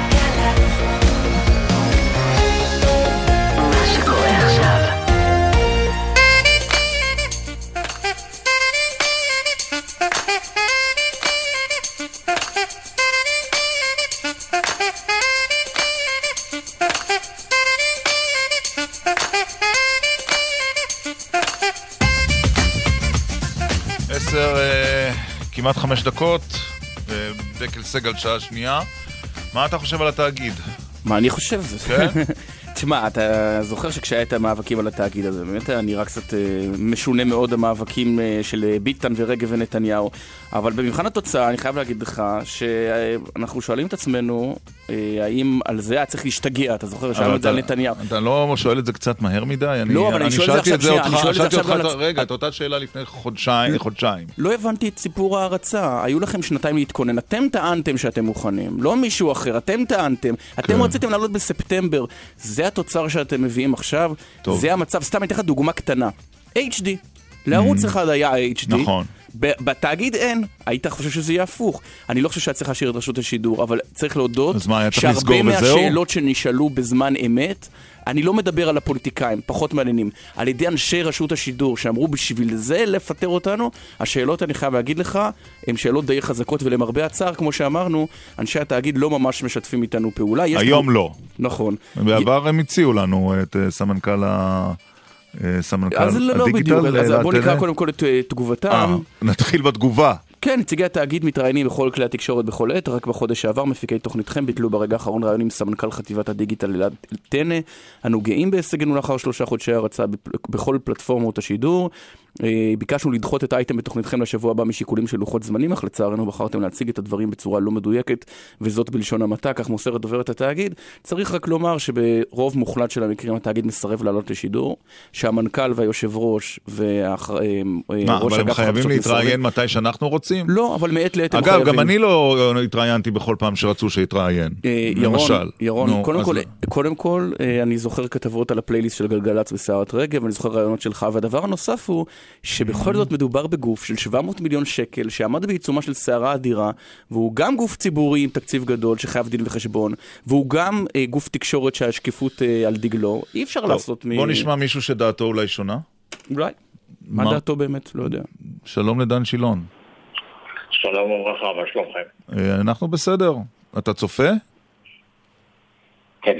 אה, וזה- ואני אפילו מופתע, לטובה. באמת? יפה. כן, אני לא, לא האמנתי בסיכויים של התאגיד הזה לקרום עור וגידים כגוף שידור אה, מקצועי, אה, ואני מופתע לטובה. תראו, קודם כל אני חייב לסייג, אני רואה את התאגיד רק בין השעות 7 ל-9. אני. לא רואה את משך היום, בערב, כן. אני לא רואה את משך היום, אני לא רואה בלילה. אני גם לא שומע אה, את רשת ב' בכל ישראל, שהיא הייתה בסדר גם קודם. אה, אבל התאגיד מפתיע אותי בשעות האלה לטובה. אה, יש רצועת שידור של אה, מיכל רבינוביץ' ויועז הנדל, שממש חיבור מעולה. כן, רק, רק אני רוצה לעדכן אותך שהוא יופסק בעוד חודשיים, והתאגיד לא מחדש את עבודתם. את עבודתו של לא יועז לפחות. זה לא משמח אותי לשמוע, כי יועז הוא מעולה ומיכל... אגב, מיכל, אני מבין שהיא עבדה קודם ברשות השידור, ולא נתקלתי בה, כי כמעט לא צפיתי בערוץ הראשון אה, בשנים האחרונות, כי זה היה פשוט מלאכה לבטלה. ופתאום אני גיליתי אותה עכשיו, ויחד עם יועז. ונכון גם שבימים הראשונים של ההגשה המשותפת שלהם, אני הרגשתי כצופה מין אה, מתיחות אה, של כימיה ביניהם. אבל, כי זה לא, זה לא פשוט אה, להגיש בזוג. אבל דן, אתה יודע, דן, בלי להיכנס לתוכנית כזו או אחרת, אתה הרי יודע שהתוכניות אולפן עם מגישים ופוליטיקאים שמתראיינים זה, זה דבר די זול. אני מסתכל דווקא על נושא אחר, על נושא הדרמות, על נושא התחקירים, ששם הייתה תקווה לי- שהאומנות האומנות אם- והתרבות יקבלו ביטוי, ואיפה זה? אם תיתן לי לסיים, בדיוק התכוונתי להגיע. אה, יש להם את הרצועה של, שש, של שבע לשמונה, שהיא בעיניי רצועה מעולה, ואתה אומר לי עכשיו מבשר שהם עומדים להוריד אותה. כך יש קראנו. להם את המהדורה, את המהדורה של שמונה עם גאולה אבן, שהיא עשויה היטב, אם כי לצערי מהגרון של גאולה אני שומע יותר מדי את קולו של גדעון סער, אבל אה, באמת? לזה, כן, זה מה שאני מרגיש, יכול להיות שזה החשד... אולי זה חשדנו בדיוק, שלי. אולי אתה חושד כי אתה אמור... נכון. אתה יודע. בהחלט יכול, בהחלט יכול להיות. אני עבדתי עם גאולה, גאולה היא מקצוענית, היא הגונה, אבל זה כמעט לא אנושי לבקש ממנה אה, להגיש מבלי שמגרונה יבקעו, קולות שאמורים לעזור לבעלה. למרות שאתה יודע, אתה לעזוב יודע שיש דוגמאות הזאת. בעולם של אה, נשים עיתונאיות שבעליהם נשאו במשרה אחת, אתה ודאי מכיר אנדריה מיטשל, המגישה ברשת NBC, שבעלה היה נגיד הבנק המרכזי והגישה מהדורה, ויש עוד דוגמאות ש- של עיתונאיות שעשו את מלאכתן באופן מקצועי. כן, אבל כאן מדובר באדם שרוצה להיות ראש ממשלה. ו- בקיצור, זה מסובך. ואני אוסיף כאן, אני. אוסיף כאן שאני חבר, ש- חבר טוב של גאולה, רק אה, למקרה שמישהו לא יודע את זה. כן, סליחה.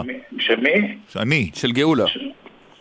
גם אני חבר שלה, אני עבדתי איתה, היא הייתה בביתי, אה, בילינו יחד, הכל אה, בסדר, אבל עכשיו יש לי איזשהו כאב בטן קל, כשהיא מגישה את החדשות ומגרונה אני שומע צלילים משפחתיים. דן, מה לגבי הסדרות? מה לגבי התרבות? הנה אני בא, הנה אני בא. אז אחרי שאמרתי שהלב של התאגיד פועל יחסית היטב, בין אה, שבע לתשע, שזה הלב, הבעיה עם הגוף. ואורגן חי ונושם שיש לו לב ואין לו גוף לא, לא יחיה. והגוף זה התוכניות. אנחנו כשהקמנו את ערוץ 2 המסחרי, כשערוץ אחד אה, אה, עוד היה קיים, הבנו שהסיכוי שלנו לנצח ולהגיע לרייטינג, ורייטינג זה לא מילה גסה, זה אומנם לא חזות הכל, אבל צריך להתחשב בו, זה היה לא אם נכה בחדשות, כי אז החדשות של הערוץ הראשון היו משהו בסביבות ה-18 אחוז, אלא, אם- אלא בתוכניות, ושם עשינו את זה, ו- ועלינו ועלינו ועלינו, ואחרי זה סחבנו את החדשות כמו בסחיבת ארסל משני הכיוונים. אה, כן, אבל בסוף זה נהיה ערוץ של ריאליטי, בסופו של דבר. הערוץ... זה כבר, אתה, זה כבר מה קרה לערוץ 2, כן. ומה קרה לערוץ 10, אבל נדבר בשנים הטובות שלנו, אה, וזה בעצם יהיה המבחן של התאגיד.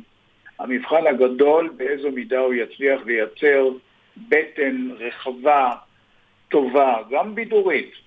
אה, וזה עדיין לא ראיתי, אבל יכול להיות כי לא הסתכלתי, כי אני לא כל כך צופה עדיין בתוכניות, או כבר לא צופה בתוכניות, זה פשוט לא מעניין אותי. תן לנו רק לסבר אבל, את האוזן, דן, אם היית מקבל היום אה, משהו כמו 200, נדמה לי 200 מיליון שקל להפקות מקור, מה מה זה אומר לעשות? בשעות שידור? מה אפשר לעשות עם זה? אני לא בקיא היום בעלויות, אה, כמה עולה שעה דרמה, כמה עולה אה, חצי שעה דרמה, כמה עולה תוכנית בידור כזו או אחרת, אה, אבל אני יודע שאפשר לייצר לוח תוכניות אה, יחסית רזה בהוצאה ואיכותי בתוצאה. אה, עשינו את זה, עשינו את זה לא פעם ולא פעמיים. אני מתרשם שבערוצים, בערוץ 2, לא בערוץ 10, שופכים הרבה פעמים כסף בתקווה שזה יביא רייטינג, וזה לא עובד. מהמם. טוב, דווקא אבל תאגיד שלא מחויב לרייטינג יכול להביא סדרות על משוררים, סדרות אה, אה, אה, דוקו אה, מעניינות, ולא שזה לא כן, קורה, זה עדיין לא קורה מספיק. שפחות צריך לקרוץ לרייטינג, אה, נאמר כך. נכון, נכון, אבל תשמע, ערוץ אה, התאגיד כן מחויב לרייטינג. מה זה רייטינג? רייטינג זה מפגש עם הקהל במקום שהקהל נמצא, וזה הוא חייב לעשות. אבל לא רק. והדבר השני, בדיוק, זה בדיוק מה ש... זה חלקו השני של החלק השני של המשוואה. הוא חייב למשוך את הקהל לנקודות שהקהל לא נמצא בהן ולא מבקש אותן, ולהביא אותן, אה, להביא אותם לעשות את זה. אנחנו, שוב, אני מצטער שאני צריך להעיד על עצמנו בערוץ 2 בזמנו, שידרנו תוכניות שהן לא מסחריות, לא רייטינגיות, והקהל לא היה בהן בנקודת הפתיחה, אבל משכנו את הקהל. אם כן. זה תוכניות ילדים כמו מוסיקה, מוזיקה קלאסית לילדים צעירים, אם זה התוכנית אין לי מי לדבר עם יאיר גרבוז ויונתן גפן. ורובי ריבלין. ורובי ריבלין, נכון. ורובי ריבלין, כן. ורובי ריבלין היו, שמע, אנחנו שידרנו רשת ב-11 בלילה, קונצרטים של הפילהרמונית. מי היה מאמין היום שהוא מסתכל על ערוץ 2? נכון. אז אה, אפשר, אפשר, והגענו לרייטינג היסטרי. כן. ו- טוב. זהו. דן שילון, אנחנו מודים לך מאוד. תודה רבה. רק, רק אני אה, אומר שני דברים. אחד, משהו? שמתקנים אותי שיש שידורים, שיש שידורי HD כבר אוקיי. ממאי, אז הנה אני מתקן, ומי שמתקן. אותך לא רוצה לעלות לשידור כי הוא לא מהתאגיד? לא, לא, לא אה, רוצה אוקיי. לעלות. אה, טוב. והדבר הנוסף זה שבמידה רבה, כן. ה- ה- אני- אני חושב שמבקר המדינה צריך לבדוק את זה, ואני אגיד לך למה. את מה? כבר אני- אתה שולח את מבקר המדינה? כן, לא, אני- מבקר. המדינה זה לא העמדה לדין, זה לא כיתת יורים. כן. מבקר המדינה לדעתי צריך לבדוק את כל הסאגה מיום האישור ומה שהובטח ועד הסיום. אני מזכיר לך טוב, זו. הכותרת בינתיים של התוכנית שלנו, פרי- קריאה נרגשת כי של כותרות עמית. אחרות לא היו? זה מה שאתה אומר? פחות, לא, אני חושב שכשמוצע... אה, ירון, ירון, אנחנו לא. יכולים להיות... ה- הרי אתה יודע, היה פה קרב על התאגיד וכל התקשורת כמעט התייצבה בצד הזה. הוצאו פה, ואני לא אומר אשמים לא אשמים, אבל הוצא פה סכום אדיר. אדיר, וצריך לבדוק האם יש תמורה, כמו שאם זה היה קורה אבל בתאגידי איך אתה המים. בודק, בודק היית- תמורה? באמצעות נקודות ודאי, הצפייה? כשדוח לנדס, כשדוח לנדס הוגש, אמרו, המטרה היא לשקם את אוקיי. שידורי הפריים טיים, מה... כי כרגע זה רק חמישה אחוז וחצי. והתאגיד, הרייטינג גם הוא פחות או יותר אותו דבר. כן. אה, לדעתי צריך לבדוק. אני, אני אבל אני לדבר על זה עם גיל. עומר או אלדד קובלנץ שמסרבים לעלות לשידור. אנחנו בינתיים. אולי. בעתיד. נראה לי שבעתיד כבר לא, לאור ה... תן להם צ'אנס. אני חושב שצריך לתת לזה קצת יותר זמן. זו דעתי. אבל אה, בוא נעבור לנושא הבא. טוב. שלום לליאור מאירי. שלום, בוקר טוב. ממקימי הליכודניקים החדשים. נכון. כמה פקדתם באמת? עזוב את כל המספרים המנופחים. כמה פקדתם? תכלס. אנחנו, בוא נגיד, אנחנו מאוכסלים עד ה... איך אומרים? עד הספרה האחרונה. אנחנו כרגע בקצת יותר מ-12,000. 12,000? וואו. וואלה, זה כמו חיים כץ, אפילו יותר ממנו. מדהים. זה יותר מחיים כץ. כרגע כמעט- אנחנו הכוח השני בגודלו בליכוד. זה יותר מפייגלין בשעתו. נכון. לא, לא. לא? לפי הפאניקה, לא, לא. פייגלין פקד יותר, תשמע, פייגלין עשה מהפכה ב-DNA של המפלגה. ועכשיו אה, החליטו, החליטו אה, ליאור מאירי להילחם בכם, ועדות קבלה, הציע דוד ביטן, מגובה על ידי ראש הממשלה נתניהו, זה לא הולך להיות קל.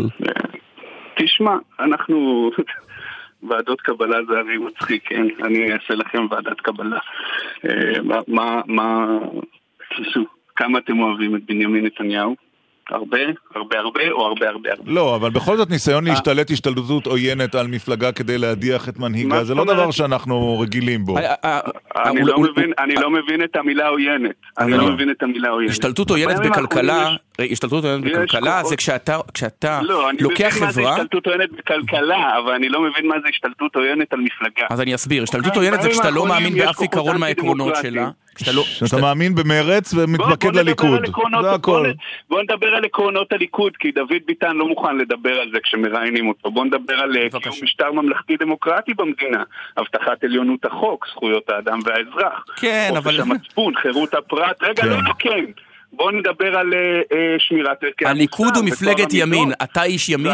הליכוד הוא מפלגת ימין, אתה איש ימין? כן או לא? אנחנו אנשי ימין, מצביעי מחל, לאומיים ליברליים. אתה בעד- אנחנו אתה- כמובן יותר, יותר דומים לדן מרידור, בני בגין, מיקי איתן ו- וריבלין, משהו שאנחנו דומים אבל בין לדוד ה-12 אלף יש גם לא מעט תומכי מפלגת העבודה, מרץ ומפלגות שאינן קשורות לליכוד. שקרים, שקרים, בבקשה, שקרים, תראו לנו אותם, בואו ניקח אותם לבית הדין של המפלגה ונעיף אותם, הכל בסדר. אין כאלה, אתה אומר. תשמע, אם יש אחד, שניים, הכל בסדר. תשמע, אנחנו הגשנו לפני שנתיים כבר. אנחנו הגשנו בקשה לרשם המפלגות לבדוק התפקדויות כפולות. אנחנו, הליכודניקים החדשים, במוסמך. אף אחד לא רצה לבדוק. אנחנו כולנו יודעים למה. כי יודעים שיש שלושת אלפים אנשים שפקודים גם לבית היהודי וגם לליכוד. יש הרבה אנשי הסתדרות שפקודים גם לעבודה וגם לליכוד.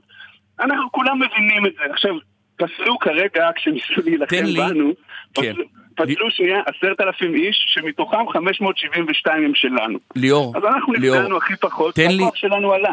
תן לי את הרשימה, לא לבחירות הקרובות, כי אתה עוד לא יודע, אבל בבחירות רשימת האחרונות... החלום- לא, את מי, לא? לא, לא, שנייה, שנייה. אם היו לך עשרה שמות לסמן, בבחירות האחרונות, את מי היית היו מסמן? לנו, אתם יכולים לראות את זה סתם, באתר מסקרן, שלנו, אז זה בוא בוא תספר לנו. ספר. גילה גמליאל, יובל שטייניץ, יולי אדלשטיין, שרן השכל, שרן. אה, אה, שרן השכל, אה, נתקעת בשם השישי. גלעד ארדן, גלעד לא, ארדן. הנה, הוא מצליח אני- בסוף. בואו חבר'ה. בוגי יעלון בטח גם, נכון? יעלון, בוגי יעלון, יעלון. שכחת אותו. יעלון, ישראל כץ, אני מפציר בכל מי שיוצאים נגדנו למצוא שם את השמאלני. אבל את מי, באמת. את, את הרי. זה מגוחך. זאת אומרת, זאת אומרת, הטענה שאומרת, של, של אה, ביטן ואחרים, שאומרת, גם של הם בעצם מנסים מה? עכשיו, לה- יריצו לנו שם אה, איזה תואם, אה, אני יודע, אה, בוז'י הרצוג ביטן ברשימה, זה לא מה יקרה. שביטן אומר הוא צודק. לא, אני שואל, אני שואל. מי האיש שאתם רוצים לראות התשובה היא בראש? שקרים, שקרים וכזבים, ומה שאתם, בעיניי, כן? כשמפלגה דמוקרטית מחליטה אה, או מוציאה, ראשה אומר שיהיו ועדות קבלה למפלגה, איך אומרים, לא אותי אתם צריכים לראיין, אלא את ראש המפלגה. הוא לא רוצה, הוא לא רוצה. להתראיין, פנינו אתמול, לא הוא ולא איש לא מטעמו. כן. השאלה אבל, איפה עובר הגבול, איפה עובר הגבול לדעתך? זאת אומרת, וגם את מי אתם רוצים לראות במקומו? איזה אדם עם דעה, לא, אה, זאת אומרת, לאיזה מפלגה אתה, כי עם העמדות שלך לא תתפקד, לבית היהודי? מה יהיה חוסר יושר? אני, אני, לא, אני לא אתפקד, אני מתפקד למפלגה שהכי קרובה לדעותיי, מה זאת אומרת? לא לעבודה, לא לבית היהודי, לא למרצ, לליכוד, שחוקתה היא לאומית ליברלית, דמוקרטית לעילה ולעילה. אני רוצה רגע להזכיר לכם משהו שז'בוטינסקי אמר. או-אה. על, על להשתתף... אתה נתלה כאן באילנות גבוהים. הוא מסביר למה צריך להתפקד לליכוד. הנה מתקרב קונגרס עולמי. ומי יודע, אולי תתעורר בקונגרס שאלה שבה יכריע כל אחד ויחיד. ואולי יהיה איזה עציר שייבחר בעירי. ואולי ייבחר ברוב של קולות מעטים, ואולי יהיה ביניהם גם קולי. והשאלה אם עם ישראל יבחר בדרך טובה או רעה, תוכרע אפוא על ידי כך שאני האיש הקטן ממולדבנקה, הצבעתי כך ולא אחרת. אני המכריע, עליי מוטלת האחריות. אני יכול לגרום לכך שעם ישראל ילך בדרך טובה. אני הבונה, אני העושה את ההיסטוריה. אני ממליץ לדוד ביטן ולבנימין נתניהו לחזור לכתבים, מה שנקרא. איך אתם אבל מתכוונים להיאבק בכוונה לסלק אתכם מה... הרי אין לזה שום עמידה משפטית, הרי זה, טיפשות. אנחנו מוכנים לבוא לוועדות קבלה, אנחנו מוכנים לעשות פוליגרף. אגב, אם ביטן ו- ו- ו- ונתניהו יהיו מוכנים לעשות פוליגרף, אנחנו נעשה זהו, בוא פוליגרף. נגיד, אה, אם יתחילו לסנן מהליכוד אנשים שהיו ברשימות אחרות ונבחרו מטעמם לכנסת, אז רשימת הליכוד. תצטמצם באופן דרמטי. הרי כבר התחילו וצמצמו. הרי סך הכל בליכוד יש 100 אלף אנשים אה, רשאים להצביע. הורידו עכשיו עשרת אלפים איש, שרובם אגב בית יהודי, עבודה. כן. אצלנו, מאחר ואנחנו מאוכסלים וממוסמכים, אנחנו יודעים שנפסלו 572. אוקיי? כן. מתוך ה-12 פלוס שהיו לנו. הכל בסדר, נפגענו הכי פחות, כוחנו היחסי עלה.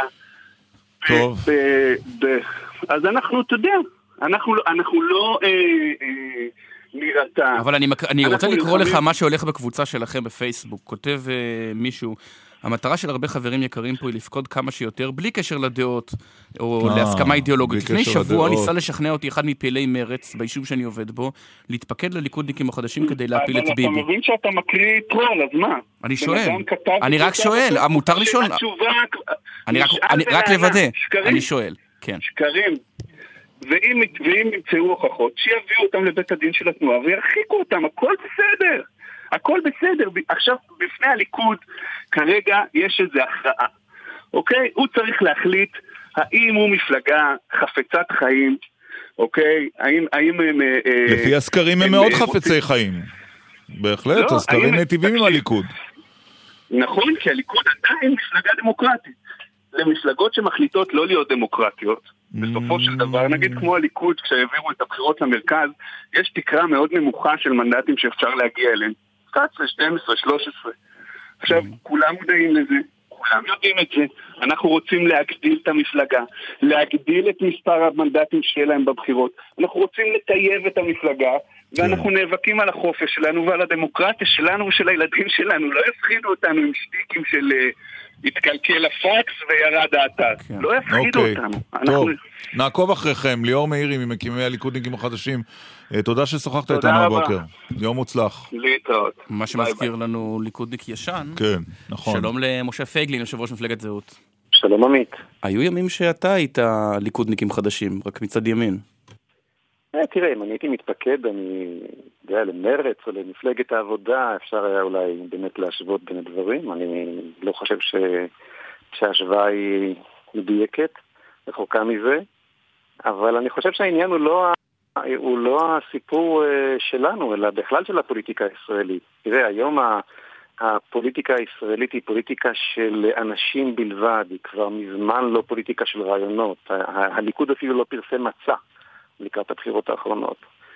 אה, כך שבאמת לאזרח הישראלי יש דמוקרטיה בתחום האישי, הוא יכול לבחור בין אנשים שונים, מתמודדים שונים, אבל הוא תמיד חייב לבחור באותו רעיון, ברעיון, כי, כי מי כבר יודע להגיד מה ההבדל בין שתי מדינות uh, של הליכוד לשתי מדינות של מפלגת אבל... העבודה, בין חלוקת הארץ של לפיד אבל... או חלוקת הארץ של... אבל, אבל משה פייגלין, אני בכל זאת רוצה שנישאר במה שהליכוד מנסה לעשות, ועמית מתח uh, קו מקביל uh, למאמץ שנעשה בליכוד לפני עשור להילחם בך, כדי למנוע מה שהוגדר אז השתלטות עוינת, ובעצם אנחנו רואים כאן שהשלטון או הנבחר במפלגה דמוקרטית, גם מפלגה כזו שיש בה בחירות מקדימות פריימריז, עושה לביצור שלטונו, בין אם מנסים להשתלט אה, אה, מצד ימין ובין אם מנסים להשתלט מצד שמאל. קודם כל אני חושב שאתה צודק, בהחלט יש כאן אה, ניסיון אה, לחסום אה, התפקדויות כאלו ואחרות. אני רק, רק מה שחשוב לי להדגיש כאן, זה שכאשר אין, אין, אין, אין יותר רעיונות במפלגות, הן לא, לא מובילות שום אידיאולוגיה, זה רק טבעי שאזרחים שכן רוצים להשפיע, נאלצים לעשות זאת מתוך המפלגות, כי לפתק שלהם כבר אין שום... אז אתה בעד הניסיון של הליכודניקים החדשים להצטרף, או שצריך לסלק אותם? אני חושב שבאופן מהותי הליכוד אה, יכול להלין רק על עצמו, כי, כי, כי פסה שם שום, אה, פסה אידיאולוגיה ממנו, ובעצם בעצם מה שהמפלגות היום אומרות לבוחר, אה, תצביע בצורה מחנאית ולא, ולא בצורה רעיונית. זאת אומרת, כמו קבוצת כדורגל שאתה אוהד אותה כי הצבע של האדום ולא בגלל, ולא בגלל המצע או האידיאולוגיה. בדיוק כך. היום, היום הפוליטיקה הישראלית היא מחנאית לחלוטין, לא מציעה לבוחר הישראלי שום הבדל משמעותי רעיוני במפלגה כזו או אחרת, והאזרח שרוצה להשפיע אה, נכנס פנימה, וכאן באמת היתרון הגדול, ותסלחו שאני מדבר קצת על מפלגת זהות. אני, אני מבטיח לך, אני מבטיח לך דקה בסוף, בוא נעשה עסק, אני מבטיח לך דקה בסוף על זהות, אבל רק נורא חשוב לנו לנסות להבין את הדבר הזה. תזכיר לנו עד לאן הגיעו המאמצים לסלק בזמנו את המתפקדים שלך, ונזכיר, אתה היית כוח מאוד משמעותי בליכוד. עשו uh, באמת uh, מאמצים uh, מאוד מאוד גדולים.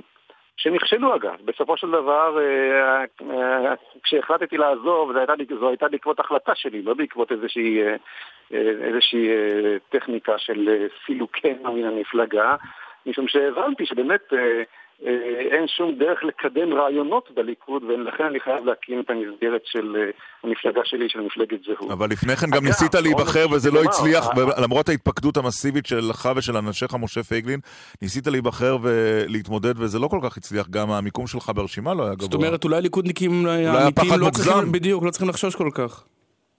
קודם כל באמת, באמת לא צריך לחשוש, אנחנו בזהות הולכים לעשות פריימריז פתוחים בין אם אתה חבר זהות ובין אם אינך חבר זהות, אתה תוכל אה, אה, לדרג את רשימת חברי, אה, את המתמודדים של זהות לכנסת. אנחנו סומכים על כלל הציבור, לא מפחדים בכלל, וקוראים לכולם להשתתף בפריימריז הפתוחים שלנו.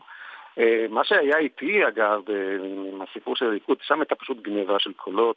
אה, אני פשוט לא הלכתי לבתי משפט כמו ציפי חוטובלי ואחרים, אה, אבל נעזוב את זה. הליכוד, אה, הסיבה לכך, היה לי נוח מאוד בליכוד, היה לי קבוצה גדולה של מתפקדים, הייתה סביבה פוליטית כבר שהכרתי אותה מוכרת, והלכתי למדבר הפוליטי משום שהבנתי שלרעיונותיי לא תהיה, לא, לא אוכל לקדם אותם במפלגה שאין בה בעצם דבר כזה רעיונות, אלא רק, רק מחנאות. טוב, ועכשיו הבטחנו לך דקה על זהות. דקה על זהות, כן. עקרונית אני עוד יכול להתפקד, אני עוד יכול להתפקד ולהתמודד, או להתפקד ולהצביע? כן, השלב הראשון של, ה, של הפריימרי שלנו יהיה, יהיה בעוד פחות מחודש, ואפשר עדיין להתפקד ולהצביע עבור רשימת המועמדים שלנו, שתדורג בהמשך, כאמור, בפריימריז פתוחים לפני הבחירות על ידי הציבור הרחב, ולזהות, בשונה מהליכוד ומפלגות אחרות, יש מצע שפרוס על פני מאות עמודים, אה, מפורט בכל תחומי החיים. אנחנו מציעים אנשים ורעיונות ולא רק אנשים. כלומר, אנחנו מציעים לציבור הרחב בדיוק, את, בדיוק לבחון על מה אנחנו מדברים ולבחור, ולבחור בדרך ולא רק uh, במחנאות. והבחירות, uh, אנחנו עדיין לא יודעים מתי יתקיימו, כרגע הן קבועות לסוף 2019, רק שנזכיר כשאנחנו מדברים על מפלגות מתמודדות. משה פייגלין, תודה רבה לך על השיחה הזו. תודה לכם. הספקת, עמית, כבר לערוך היכרות עם uh, סעיד אל-חרומי? עוד לא, האמת. אז אנחנו נכיר אותו מיד אחרי התשדירים. חבר כנסת חדש. אגב, יש זמן לציוצים או שכן? כן, האמת היא שנעלמת קצת עם הציוצים. נכון. לא הגיעו לירושלים. השכינה... נתקעו בשער הגיא. כן. דקל סגל וגל"צ יורדים על איכות שידורי התאגיד, כותב יואב, התאגיד, בלי מילת גילוי נאות על היות המגישים עובדים בגופי תקשורת מתחרים. אבל מה זאת אומרת, אנחנו... לא, אבל זה טיול שדורש תשובה, ואני אגיד לך מה התשובה. אי אפשר, התאגיד לא יכול במשך למעלה משנה להיעזר, ובוא נודה על האמת, בתמיכה מסיבית מאוד של כל גופי התקשורת, ואז כשמעלים תהיות להגיד, אה, פוס, אתם לא יכולים. סליחה, זה לא עובד ככה. Mm. מי שנעזר בתמיכה הזאת, כן, ואלמלא היא לא היה תאגיד היום... לי נראה שזה די ברור שאנחנו עובדים בכלי תקשורת אחרים. אנחנו משדרים בו, אגב, כן. כן, למשל, אתה עובד בעוד מקום שהוא מוכר, אבל זה בסדר. אנחנו עובדים בכלי תקשורת אחרים. לא, אבל ברצינות, אה, אה, גילוי נאות הוא לא נשק שאתה מפעיל כדי להימנע מביקורת עליך, זה אחד. כן. או שכל הזמן יהיה גילוי נאות כשתומכים ומעודדים. נכון. כן. ישראל כותב, הליכודניקים החדשים בסך הכל מנסים להחזיר את הליכוד לדרך המקורית שלו, אחרי שנלקח בשבי על ידי, על ידי יותר מ-15 אלף מתפקדי מתנחלים. ויהודה כותב, אם יתחילו לסנן לפי התאמה לערכי וחוקת הליכוד, אז לא בטוח שיו"ר הליכוד יוכל להישאר בתפקידו. Hmm. אוקיי. דרור כותב, מעדכן את עמית שגם בערוץ העשיר שהוא עובד בו זה לא HD. נכון. הזה, אבל, אבל הערוץ הזה לא מקבל כספים מהמדינה, וזה נכון, אגב, זה באמת מבאס. אה, ואתה רק כותבת, טוב, זה פחות טוב. חשוב. בוא, בוא נשמע תשדירים, ואחר כך אה, עוד כמה נושאים. ואדם מהיישוב, אתה זוכר מי היום? אה, מנקה חלונות. אה, תמיד חשבתי, חלמתי לדבר איתם, אתה יודע, כשהחלון הזה... חשבתי שתגיד, כשהייתי צעיר חלמתי להיות מנקה חלונות. לא, לא, זה לא עבר, לא, לא היו גורדי שחקים אז. אה, זה אבל... לא היה כל כך מזמן. אנחנו נעשה פתיחת חלון וירטואלית ונדבר עם מנקה החלון. אוקיי, אבל קודם כל תשדירים ברשותך. אתם מאזינים לגל"צ. קיץ משפחתי במרכז יצחק רבין. אתם מוזמנים לסייר בין דפי ההיסטוריה במוזיאון הישראלי ובתצוגה החדשה על מלחמת ששת הימים ורמטכ"ל הניצחון. בחודשי יולי-אוגוסט הכניסה לתערוכת ששת הימים לילדים חינם, כפוף לתקנון. להזמנות כוכבית 4585. שלושת אלפים שנה חיכינו לזה. אבני העיר ירושלים מתעוררות לחיים. הללויה, מופע הלילה של עיר דוד, המוקרן בטכנולוגיה עילית על גבי אבני ירושלים הקדומה תחת כיפת השמיים. הללויה, עכשיו בירושלים, כוכבית 6033 ובאתר עיר דוד. אבירים ואבירות, מוזיאון מגדל דוד בירושלים קורא לכם. בחופש הזה הופכת המצודה למצודת אבירים, מופעי אש, מבוכים, סדנות צייף ויצירה, קרבות אבירים ועוד. ובשקיעה, מחנה לילי בין החומות העתיקות עם אבירי הלילה עד אור הבוקר. פרטים באתר מוזיאון מגדל דוד. המרכז האקדמי למשפט ולעסקים מזמין אתכם להירשם לתואר ראשון במשפטים, מנהל עסקים וחשבונאות, ומעניק לכם הנחה של 10% בשנת הלימודים הראשונה. המרכז האקדמי למשפט ולעסקים ברמת גן. כוכבית 6188 אבא, קום. נו, אבא. במקום שיביאו אתכם לסף שיגעון, קחו אותם לראות גלדיאטורים באמפיתיאטרון. רשות הטבע והגנים סוגרת את החופש ומזמינה אתכם לראות את העבר קם לתחייה בגן הלאומי בית גוברין. למנויי מטמון, הכניסה בלא תשלום. לפרטים ולמגוון פעילויות נוספות, חפשו אותנו בפייסבוק או ייכנסו לאתר. רשות הטבע והגנים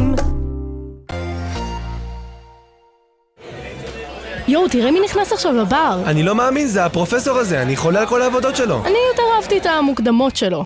המדען העירום, הדבר הכי מעניין שיקרה לכם ביציאה הזאת. בן שנים מראיין את מיטב החוקרים בברים ברחבי הארץ. הערב בשמונה, אתם מוזמנים לפאב הפולי בתל אביב, לשיחה עם הפרופסור דני רבינוביץ' מאוניברסיטת תל אביב על משבר האקלים וצדק סביבתי. פרטים נוספים בדף הפייסבוק של האוניברסיטה המשודרת.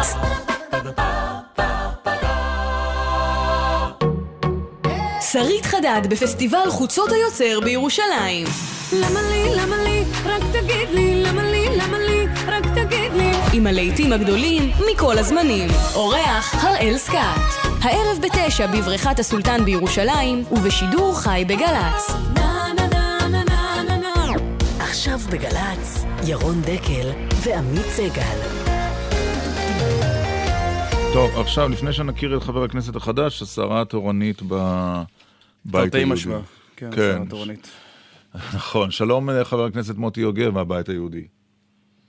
שלום וברכה, לכם ולמאזינים. מה דעתך על הדברים שאמר הרב ישראל רוזן כשפרש מנשיאות הבית היהודי, מכיוון השר בנט מעסיק אה, יועצת תקשורת שהיא לסבית? נדמה לי שמחשבותיו ועשייתו של הרב ישראל רוזן אה, מורכבים יותר. קודם נאחל לו רפואה שלמה, ואחר כך בעוד חצי משפט צריך לדעת שמדובר באדם שיש לו גם אה, סמכות רחבה בהלכה וגם בהנדסה, ומתוך כך אה, באמת אישיות ייחודית שיכולה לסייע בחיבור. אבל לא, מה, אבל לא אמרת לי מה אתה חושב על מה שהוא אמר. ראה הרב ישראל רוזן, ושוב אמרתי, אני מניח שזה לא רק מסיבה אחת, אלא אה, מסיבות אה, שונות, אה, את עצמו מחוץ למעגלי ההשפעה, ואני אה, ניסיתי ואמשיך לנסות לראות אותו בתוך מעגלי ההשפעה של לא, לא, אבל, אבל סליחה, זה אנחנו- נשמע לי כמו מדברים על- התחכמ- אנחנו- התחכמות, חבר הכנסת יוגב. בוא נדבר לא על חיים שכאלה הרב ישראל רוזן, כבודו במקומו מונח, אלא על העילה שהוא מגדיר אותה כעילת הפרישה שלו, והיא העובדה שהשר בנט מעסיק דוברת לסבית. מה דעתך? אני גם אלה שלא נכנסים לקרביו של אדם, שהקדוש ברוך הוא הבוחן של היות ולב, ואנחנו אה, דנים אותו לגופו של עניין. יחד עם זאת, אה, עניין אה, כל הסיפור המכונה היום להט"ב, והרי שהוא אסור לפי דרכה של תורה, ומחויבת אה, מציאות דווקא של משפחה שיוצרת חיים, של כן, אבא אבל ואמא זאת לא השאלה. הוא אסור עד כדי כך שלדעתך, אם השר בנט מעסיק אסור להעסיק? את הדוברת הזאת, אז הוא מעביר מסר בעייתי לבוחרי הבית היהודי? כמו שהרב ישראל רוזן חושב? אני לא נכנס לקרביו של אדם. אה, אה, נכון היה לאזן את הדברים ולא לראות בהם בהכרח אה, גאווה של הבית היהודי. אין פה עניין של גאווה, יש פה עניין של תופעה. אנחנו את בני האדם מעריכים כבני אדם. זאת אומרת, הבעיה שלך היא לא שהוא מעסיק אותה, אלא הבעיה שלך שבנט גם העביר תגובה שמתגאה בכך שהוא מעסיק דוברת מהקהילה הגאה. אני לא התבטאתי. לא, אני שואל אני אותך, רוצה לעורר על לכן-. לא התבטאת אבל עכשיו. אתה מתבטא, זו ההזדמנות, חבר הכנסת יוגב, לכן אתה כאן. מיקרופון שלך. דרכי שלי, דרכי שלי היא לחבר את כל הגורמים שרואים את נקודת החיבור. אבל זה לא אה, השאלה. מוטי יוגב, מה, ועל אה, כן אני סבור. כן- ועל כן אני מדבר על כך שרצון ההכלה שלי הוא להכיל את כל מי שמכיל את הדברים האלה יחד, את החיבור הגדול הזה של העם, התורה והארץ והמדינה. כלומר, אתה, אתה גם היית מעסיק אה, דובר או דוברת מהקהילה הגאה? אם היה, היו לו כישור, לה כישורים? אני מניח שבאופן אישי לא הייתי עושה את זה, משום לא? שיש לנו קושי עם הדבר הזה, עם התופעה הזאת. האנשים יכולים להיות אנשים מצוינים, וגם בכנסת אנחנו משתפים פעולה. מה, אז אה, אתה בוחן קבלה לעבודה לא לפי כישורים אלא לפי נטייה?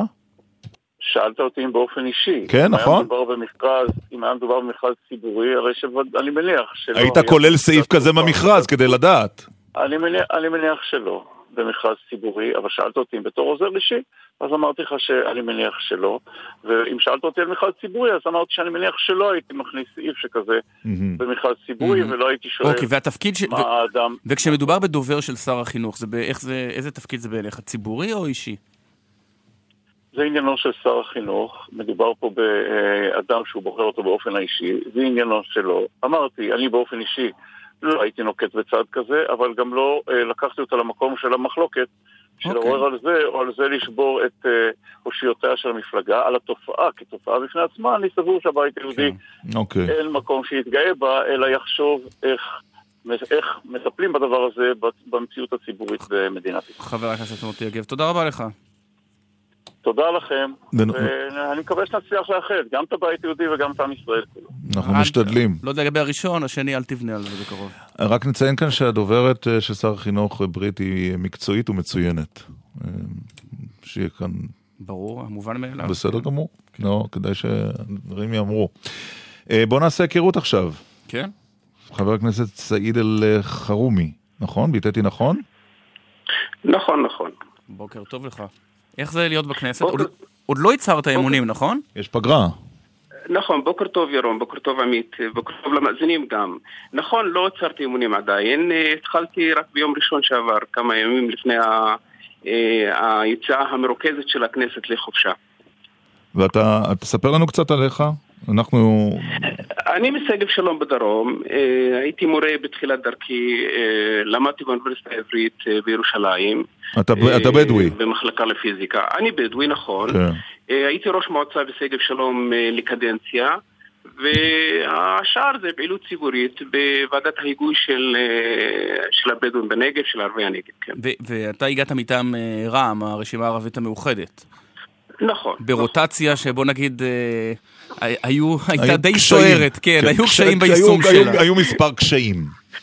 אל- תראה, אה, כל מי שניסה להסביר את הרוטציה הזאת, הוא, נתקע בשלב מסוים. כן, גם נכון. אני לפעמים לא כל כך, לא כל כך מצליח לעקוב אחרי המהלכים שהיו. אבל אכן כך, אה, בבחירות האחרונות ב-2015, אה, סיכמו עד, עד מקום 11 ברשימה, אלה היו חברי הכנסת המכהנים, ומ-12 עד 15, אה, ועדת ההסכמות אה, שקמה באותה תקופה אמרה, תשמעו, תנו לנו אה, להסדיר את המקומות האלה בכדי שתהיה הסכמה כללית. ואכן עשו רוטציה בין 12, מקום 12 למקום 15. טוב, לא ניכנס עכשיו לכל פרטי הרוטציה, כי כן, אנחנו כן, אנחנו ברור, עלולים... ל- אתה גם מזכ"ל התנועה האסלאמית, נכון, אה, חבר הכנסת אלחרומי? הייתי, הייתי היית. מזכ"ל רע"מ, כן, היום אני סגן יושב ראש רע"מ. ומה אתה מתכנן לעשות בכנסת? אה, האמת, אה, מהמקום שממנו הגעתי, אני חושב ששלושה נושאים עיקריים. אה, הנושא הראשון הוא באמת הדיור, ההכרה בכפרים, והנושא של הכפרים הלא מוכרים, וגם מצוקת הדיור בערים אה, המוכרות שהמדינה אה, בנתה והקימה בסוף שנות ה-70. נושא שני זה החברתי-כלכלי, וזה מאוד מאוד חורה הנושא הזה. כי אה, נושא העוני, נושא המצוקה הכלכלית אה, של החברה הערבית בכלל והחברה הבדואית אה, בפרט. והנושא השלישי זה המקום שאני אה, הכי קשור אליו זה נושא החינוך ובעיקר החינוך הבלתי פורמלי אה, בשעות אחר הצהריים ומציאת מסגרות לאלפי תלמידים בכפרים הבדואיים. אוקיי, אתה אה, מייצג באמת את הקהילה הבדואית בארץ, אה, קהילה, מגזר, אה, לא יודע איך לקרוא לזה. איך אתה מסביר. את השינוי הדרמטי שחל בשנים הראשונות רוב הבדואים שירתו בצה"ל וכולי, ובשנים האחרונות אנחנו ככה באווירה של אוטוטו עימות בין הבדואים לבין המדינה. תראה, אני אה, אדם שמכיר היטב את החברה הבדואית ופועל שנים רבות, לפחות מאז שנת 2000 אני אה, נבחרתי לחבר במועצה המקומית שגב שלום, ומאז אני מעורה טוב מאוד מה שקורה בחברה הבדואית. החברה הבדואית ברובה, באנשים אה, של הרחוב, אנשים שרוצים לחיות בחיים משותפים, אנשים שאין להם כל כוונה לפוצץ את העניין, בואו נגיד ככה. אבל אה, מה שקורה זה גם שני צדדים במגרש, זה לא רק הבדואים במגרש הזה, יש גם את רשויות המדינה והנושא של הריסות הבתים, הנושא של המאבק על, על קיום הכפרים האלה יצר מצב לא הכי בריא, מצב לא טוב בכלל. אבל מה המצב הבריא, שמשרתים. בצה"ל? שמשרתים בצה"ל, או המצב של העימות? לא, אני, אני חושב שבלי להיכנס לכן או לא לגבי השירות הצבאי. למה אה, לא להיכנס? אה, בתחילת, אני, אני אגיד לך, בתחילת, בתחילת שנות ה-70 החברה הערבית בעצם לא היו אה, כפרים בדואים, לא היו אה, כפרים אה, אה, במתכונת הנוכחית, היו ש- שבטים שכל שבט אה, ישב במקום מסוים והשייח הייתה לו השפעה, אה, או המוכתר, או נגיד השייח, הייתה לו השפעה יותר גדולה על השבט. היום הסיפור השתנה עם, עם כניסה של, אה, אה, או, או, בוא נגיד, אה, גידול משמעותי ב- ב- באקדמיה, באנשי אקדמיה וכל זה. אה, אה, יש תמורות, יש, יש, אה, מהפכה שינויים. בחברה הבדואית. טוב, על כן, זה יש על- שינויים, על זה. נתווכח אולי בהזדמנות אחרת. אה, אתה פיזיקאי. אה, נכון, תואר ראשון בפיזיקה מהאוניברסיטה העברית, נכון. מה אנחנו לא יודעים על פיזיקה? אתה רוצה שיעור בפיזיקה? לא, מה הפרט על פיזיקה היה שאנחנו צריכים לדעת. שאנחנו לא יודעים? קשה מאוד פיזיקה. אני אהבתי את המקצוע. כן? כמה יחידות עשית? לא עשיתי פיזיקה. אה, אוקיי. תראה, בוא, נגיד ככה, אמ, אני, אה, הלימודים והלימוד בבית הספר זה היה בסוף שנות ה-90, שנות, עד שנת 2004. בן כמה אתה היום? לא לא אמרת? אני בן 45. אוקיי, תמשיך, סליחה, כן. ואני חושב שהתחום הזה הוא תחום, תחום נפלא, לפחות אה, אני אהבתי את זה. אבל בשלב מסוים, אחרי התואר הראשון, כבר אה, לקחו אותי לכיוון של הפוליטיקה, לכיוון של להתמודד למועצה ו... והתחום ה- אה, אה, החברתי הפוליטי יותר, ולכן התמקדנו שם בעשייה הפוליטית. אוקיי. טוב, שיהיה בהצלחה. תודה, תודה. חבר הכנסת סעיד אל-חרומי. תודה רבה לך. יום טוב, יום טוב, כל טוב, ביי. ביי. כמה ח"כים מתחלפים בכנסת כן, הזאת? קשה כן. לזכור את כולם. נכון. טוב, עכשיו, אמ, עכשיו ברבע לאחת עשרה, יש עוד איזה ציוץ שאתה רוצה לסבר סבר את אוזנינו לפני שנפנה לאדם מן היישוב שלנו הבוקר? לא, בוא נפנה לאדם מן היישוב. אוקיי, אתה רצית, נכון? לדבר עם אה, מנקה חלונות בסנפלינג? נכון. שלום לנחום יוסף. שלום רב. כמה שנים אתה תלוי בין שמיים לארץ? אה, 13 שנים. אתה כרגע באיזה קומה אנחנו תופסים אותך? קומת קרקע. אה. יפה. איך הגעת? איך אתה מגיע למקצוע המפחיד הזה? אה, האמת שדי במקרה, ראיתי חבר'ה שעובדים. פשוט ברחוב, והיה נראה לי מגניב. אמרתי בוא, בוא ננסה. היה לך רקע קודם בצוקים רגילים לפני שטיפסת על חלונות או ש... לא, לא? לא משהו שעשיתי בתור, אה, אתה יודע, איזה תחרות אתגרים כזה, חד פעמי וזהו. כן. תגיד, איך... אה, מעבר לזה, זהו. אוקיי, איפה, איפה, איזה בניינים אתה מנקה בארץ? באיזה אזור? אתה מפרדס חנה, אה, נכון? בעיקר- קודם כל, אתה מפרדס, אני- תושב פרדס חנה. נכון, אני תושב פרדס חנה. שם אין גורדי שם אין גירודי שחקים. שם אין גורדי שחקים, אני מנקה את החלונות של הבית שלי, זהו, מקסימום. אה, בתל אביב בעיקרון, במרכז, אנחנו עובדים בעיקר עם אה, רשתות של בתי מלון, אז אה. כמה פעמים בחודש צריך לנקות גורד שחקים, את הקומה ה-20? הרי יש פחות אבק, לא? לא, ברצינות אני שואל, לא, יש פחות זה לא- אבק. לא, לא, לא, זה לא זה לא נכון. אולי בקומה הראשונה יש יותר אבק, אבל כל שאר הקומות זה בוודאי נוח. אוקיי. אה, בעיקרון, אה, אנחנו מנקים בתי מלון כל חודש. בית מלון עובר כל חודש ניקיון. אמ, אוקיי. אה, בענייני מגורים ועסקים הם מחליטים פעמיים בשנה, שלוש בשנה. מה הקומה הכי גבוהה שהיית. שניקית מבחוץ? מה הקומה הכי גבוהה? חמישים. קומה חמישים? איפה? אז ת- רגע, איפה? איזה כן. בניין? ניקיתי גם בבניין אלקטרה, במחלף השלום. כן. אה, האמת שגם בארצות הברית קצת עבדתי בזה. איך ישראל נראית מהקומה החמישים? מדהימה. כן, שלווה כזו. נכון. שלב, בדיוק, בדיוק. אתה לא שומע לא את העצבים, לא את הצפירות. הרבה לא- אחווה, הרבה אחווה ניבטת מהקומה החמישים. ישראל במיוט. תגיד, תגיד, נחום יוסף, איך מתגברים על הפחד? באמת, אני לא רואה את עצמי יושב בקומה, בקומה כזו ומנקה, אני לא רואה, באמת. שמע, זו שאלה. כאילו, יש אנשים שאומרים, אני לא מסוגל להתקרב למעקה של מרפסת, כן. ויש אנשים שאומרים, כן, אני יכול להתקרב אליהם ואני מפחד. אז אלה שיכולים להתקרב ומפחדים, הם בסוף יתרגלו והם יוכלו לרדת בסנפלינג מכם. את, את אלה שלא מסוגלים אפילו להתקרב, אז, אה, אז נראה לי שהם בבעיה קצת. תגיד, מי... מי... מתרגלים פשוט. מתרגלים? אתה לא מסתכל למטה? מסתכל רק על החלון ועל השמיים? מסתכל? מה פתאום? ברור שאני מסתכל. אה, כן? אז מה, אז מה כל הכיף בעבודה? מה, להיות מול החלון? אז אני אהיה בקומה ראשונה מול החלון. יש ימים של. רוחות שאסור לעלות? או גשם? בטח. אה, יש נהלים, יש, אה, אתה- עובר קורס של משרד העבודה. אם יש תנאי מזג האוויר שלא מאפשרים לך לעבוד, מה זה לא מאפשרים לך? לא מקצועית, בטיחותית. כן. בטיחותית אם לא מאפשרים לך לעבוד, אז זה שיקול דעת שלך להפסיק את העבודה. אוקיי. וקרה... אה, סך הכל אה, זה קורה, כן, זה קורה בחורף שיש לך שערות וכאלה, טפטוף אתה יכול להמשיך לעבוד, לא קורה שום דבר.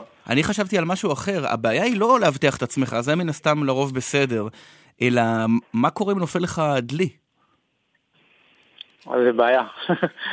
אה, זה בעיה מאוד רצינית. מה, זה קרה לך? אה, קרה לך? זה קרה לי כמובן. אוי ואבוי, מאיזה קומה?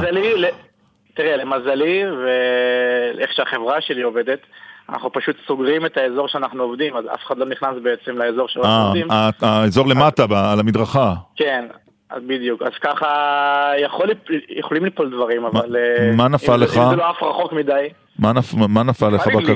דלי? נפל לי דלי, נפל לי מג"ב מדי פעם, אה, זה- זה קורה, אין מה לעשות. וואו, מה, זה יכול להרוג בן אדם מקומה חמישים. בטח. זה יכול להרוג בן אדם, גם בורג יכול להרוג בן אדם נו. באיזושהי קומה. נו. לא, אבל אה, גם תאונות דרכים הורגות, הורגים אנשים, אפילו אנשים לא ייסעו ברכב. Mm, זה גם נכון. זה זה עבודה נורא סוליסטית, אתה עובד לבד, נכון? לא, אין... לא, אין- לא. לא, בקב- בקבוצה? אה, כן, אתה חייב לעבוד לפי התקן אה, שני אנשים ומעלה. אה, אוקיי. לא אנחנו לא מצויים בחזית, ב- כן? לא מצויים במקצוע הזה, לכן אנחנו שואלים. שניים, שניים? אז... אה, אה, כן, בערך זה, זה כאילו שניים ויותר. אה, לא בהכרח ביחד באותו חזית, אבל הם צריכים להיות באותו אתר, וחייב להיות מישהו שמסתכל על מי שעובד. כמה שעות ביום? ככה ש... אני אני רציתי לשאול כמה זמן לוקח לנקות בניין של 50 קומות. אה, זה, זה תלוי, זה תלוי בהמון דברים, זה תלוי... נניח מגדל אלקטרה בתל. אביב. מגדל אלקטרה בתל אביב, ארבעה עובדים. אתה יורד לרזולוציות, אה, כן. כן, כן, זה חישובים, לא יודע, לא יודע, שבוע, שבועיים, לא יודע. וואו, כן? וואו. זה כן, הרבה. כן. וכמה שעות אתה תלוי אה, על החבל? תראה, אה, ברוטו אני עובד מ-8 עד 5. בנטו על החבל אתה יכול להגיע לחמש שעות. אז אם אתה רוצה לאכול צהריים באמצע, אתה בקומה 37. אתה מוציא כריך מה- כריך מהסרבל ואוכל אותו ככה כשאתה תלוי? אז, אז הדגשתי, לא רצוף. לא, אז אתה אומר אה, בקומה 23 אתה עולה את כל הדרך, אוכל צהריים וחוזר לקומה 22? אני לא עולה, אני יורד. יורד, אוקיי, נכון. עדיף לרדת. אה, אז אתה יורד מהשמיים, הולך, קונה שווארמה, אוכל. או לוקח מעלית לגג ויורד. בי, או, בדיוק. איפה מגישים מועמדות? הנה, אני כבר... אתה מוזמן, אנחנו מחפשים עובדים דרך אגב. איך... איך- אה, באמת, תודה רבה. איך הפרנסה? אה, בלי עין הרע לא רע, אבל זה תוך כדי עבודה קשה, אתה יודע, זה, מאוד. זה להוכיח את עצמך ולעשות, ולהגיע להספקים כמו שצריך. אבל תגיד, ולקחת... אתה מגיע, מה שנקרא, אתה שיחה בהפתעה, אתה מגיע מלמעלה, פתאום אתה רואה אתה רואה משהו בחלון... שאתה לא צריך לראות, קרה לך? בדיוק. זה קרה אה, ממש מעט פעמים. בדרך כלל אנשים אה, בבתי מלון, אז אה, אתה- אתה מכיר את הישראלים, אוהבים להוציא, להוציא פיצויים וכל מיני כאלה, איזה לילה נוסף. אז אה, הבחור הזה ניקה את החלונות והעיר אותי ככה... לא, לא דיברנו על העיר. אה, כן, היה איזה זוג שטען שהסתכלתי עליהם אה, מקיים יחסי מין, אבל בעצם לא ראיתי כלום. יש, יש חלונות שהם בעצם מראה, אה, שאני יכול לראות את עצמי מבחוץ, והם אותך. רואים אותי כאילו. תגיד, ואנשים נחמדים כשאתה יורד פתאום, אז ההוא, המנכ"ל עושה לך שלום, ו- או שלא? כן, כן, כן, לרוב, לרוב 98% כולם נחמדים, הם כי בסדר, אפילו מציעים שתייה. באמת? מציעים בירה, כן. כי זה... אה, כן? אתה לוקח בירה לפעמים? בירה כן, תוך כן. כדי... כן? לא, לא, בירה סוף יום עבודה. פותחים- אבל- אבל נניח אבל קוקה-קולה? פותחים חלון ומושיטים אה, משהו תוך כדי ניקוי? כן, כן, אם החלון נפתח, אז בדרך כלל מציעים מים בכיף, כאילו. ואתה כן. שותה? אה, אנש, אנשים לרוב נחמדים, כן. ואז אתה. נכנס כמו עם אה, סופרמן מהחלון, שותה מים? לא, זה? מעניין, אולי, זה כי, זה בגובה, אז אנשים משתנים, אתה יודע, למטה כולם אחרת. עד איזה גיל אה, עושים את העבודה הזו, אה, נחום? אתה בן 35, נכון? חמש. עד איזה גיל? אני לא יודע, יש לי חבר מהחברה שעובד בגיל 40 וגם יותר. Hmm. לא יודע, אתה עדיין נהנה מאוד? נהנה. כן? נשמע לי כיף אדיר, האמת. הנה, נהנה, מחפשים לא יודע אם עובדים. מאוד, אבל נהנה. מחפשים... אה, כשהי- כשהייתי צעיר אז, אה, אז אה, בכלל נהניתי אפילו יותר ממאוד, זה היה מדהים. כן. כי הכל היה חדש וכל העבודות, כל, כל עבודה, אתה יודע, זה היה כיף. נכון, זו גם תופעה יחסית חדשה, לא- לא הרבה שנים יש את הדבר הזה, טוב, לא כל כך נכון? הרבה שנים יש כאן כאלה אומר, כן, במגדל שלום, לא, לא חושב... לא, שנים- מגדל הרבה שנים שלום. היה את הענף הזה, אוקיי. הרבה שנים היה את הענף הזה, אבל עכשיו פשוט אה, נוצרו המון חברות חדשות. אה, אוקיי, כי יש המון המון אז- מגדלים. טוב, שאלה יהיו הצרות שלנו. אנחנו רוצים להקדיש לך שיר. איזה? החלונות הגבוהים. נכון. יאללה, מתאים. אה, נחום יוסף, היה כיף לשוחח איתך. אתה בדרך לעלות לאיזה קומה, לא נכון? לאיזה- אתה- לאיזה קומה אתה לא, מטפס לא, היום? היום, היום לקחתי קצת אה, break, להיות מדי פעם עם הילדים היום וסידורים, אז אה, אה, אוקיי. את הילדים לא לוקחים לעבודה, נכון? אי אפשר לקחת את הילדים לעבודה. זהו, זה אחד הדברים המבאסים, שידע לך, כן. שאני לא יכול לקחת את הילדים שלי לעבודה. Mm, אה, אבל אנחנו נמצא דרך, אני אמצא דרך, או שהילד שלי קצת יגדל, אז אני אקח על הכיפאק. נחום יוסף, אה, מנקה חלונות בסנפלינג. תודה רבה. אדם מן היישוב. כן. חבר'ה, תודה רבה לכם. להשתמע. אתה יודע אגב שמשה. פייגלין היה בעלים של חברה כזאת, יכולנו לשאול. לא, לא זכרתי את זה. כן. זה פרט טביר, טריוויה שנהנה, אבל... קיבלתי אותו מעשרה אנשים בדקות האחרונות. אה, כן? שמכירים את העבר שלו אה, בתחום הזה. טוב. חלונות הגבוהים? אה, ועל, אה, כן, החלונות הגבוהים כל השבוע לך, רק נאמר מי היה כאן בתוכנית, אילן ליאור ערך, ענבר טוויזר והילה פרץ הפיקו, אפרים קרני על ביצוע טכני, קיקו נדב בירושלים, גם רותי זאדה. עורך הדיגיטל יובל פלד, אחרינו יועז הנדל וחיים לוינסון היום במצד שני. סוף שבוע נעים, להתראות לך, להתראות ירון, שבת שלום. שבת שלום.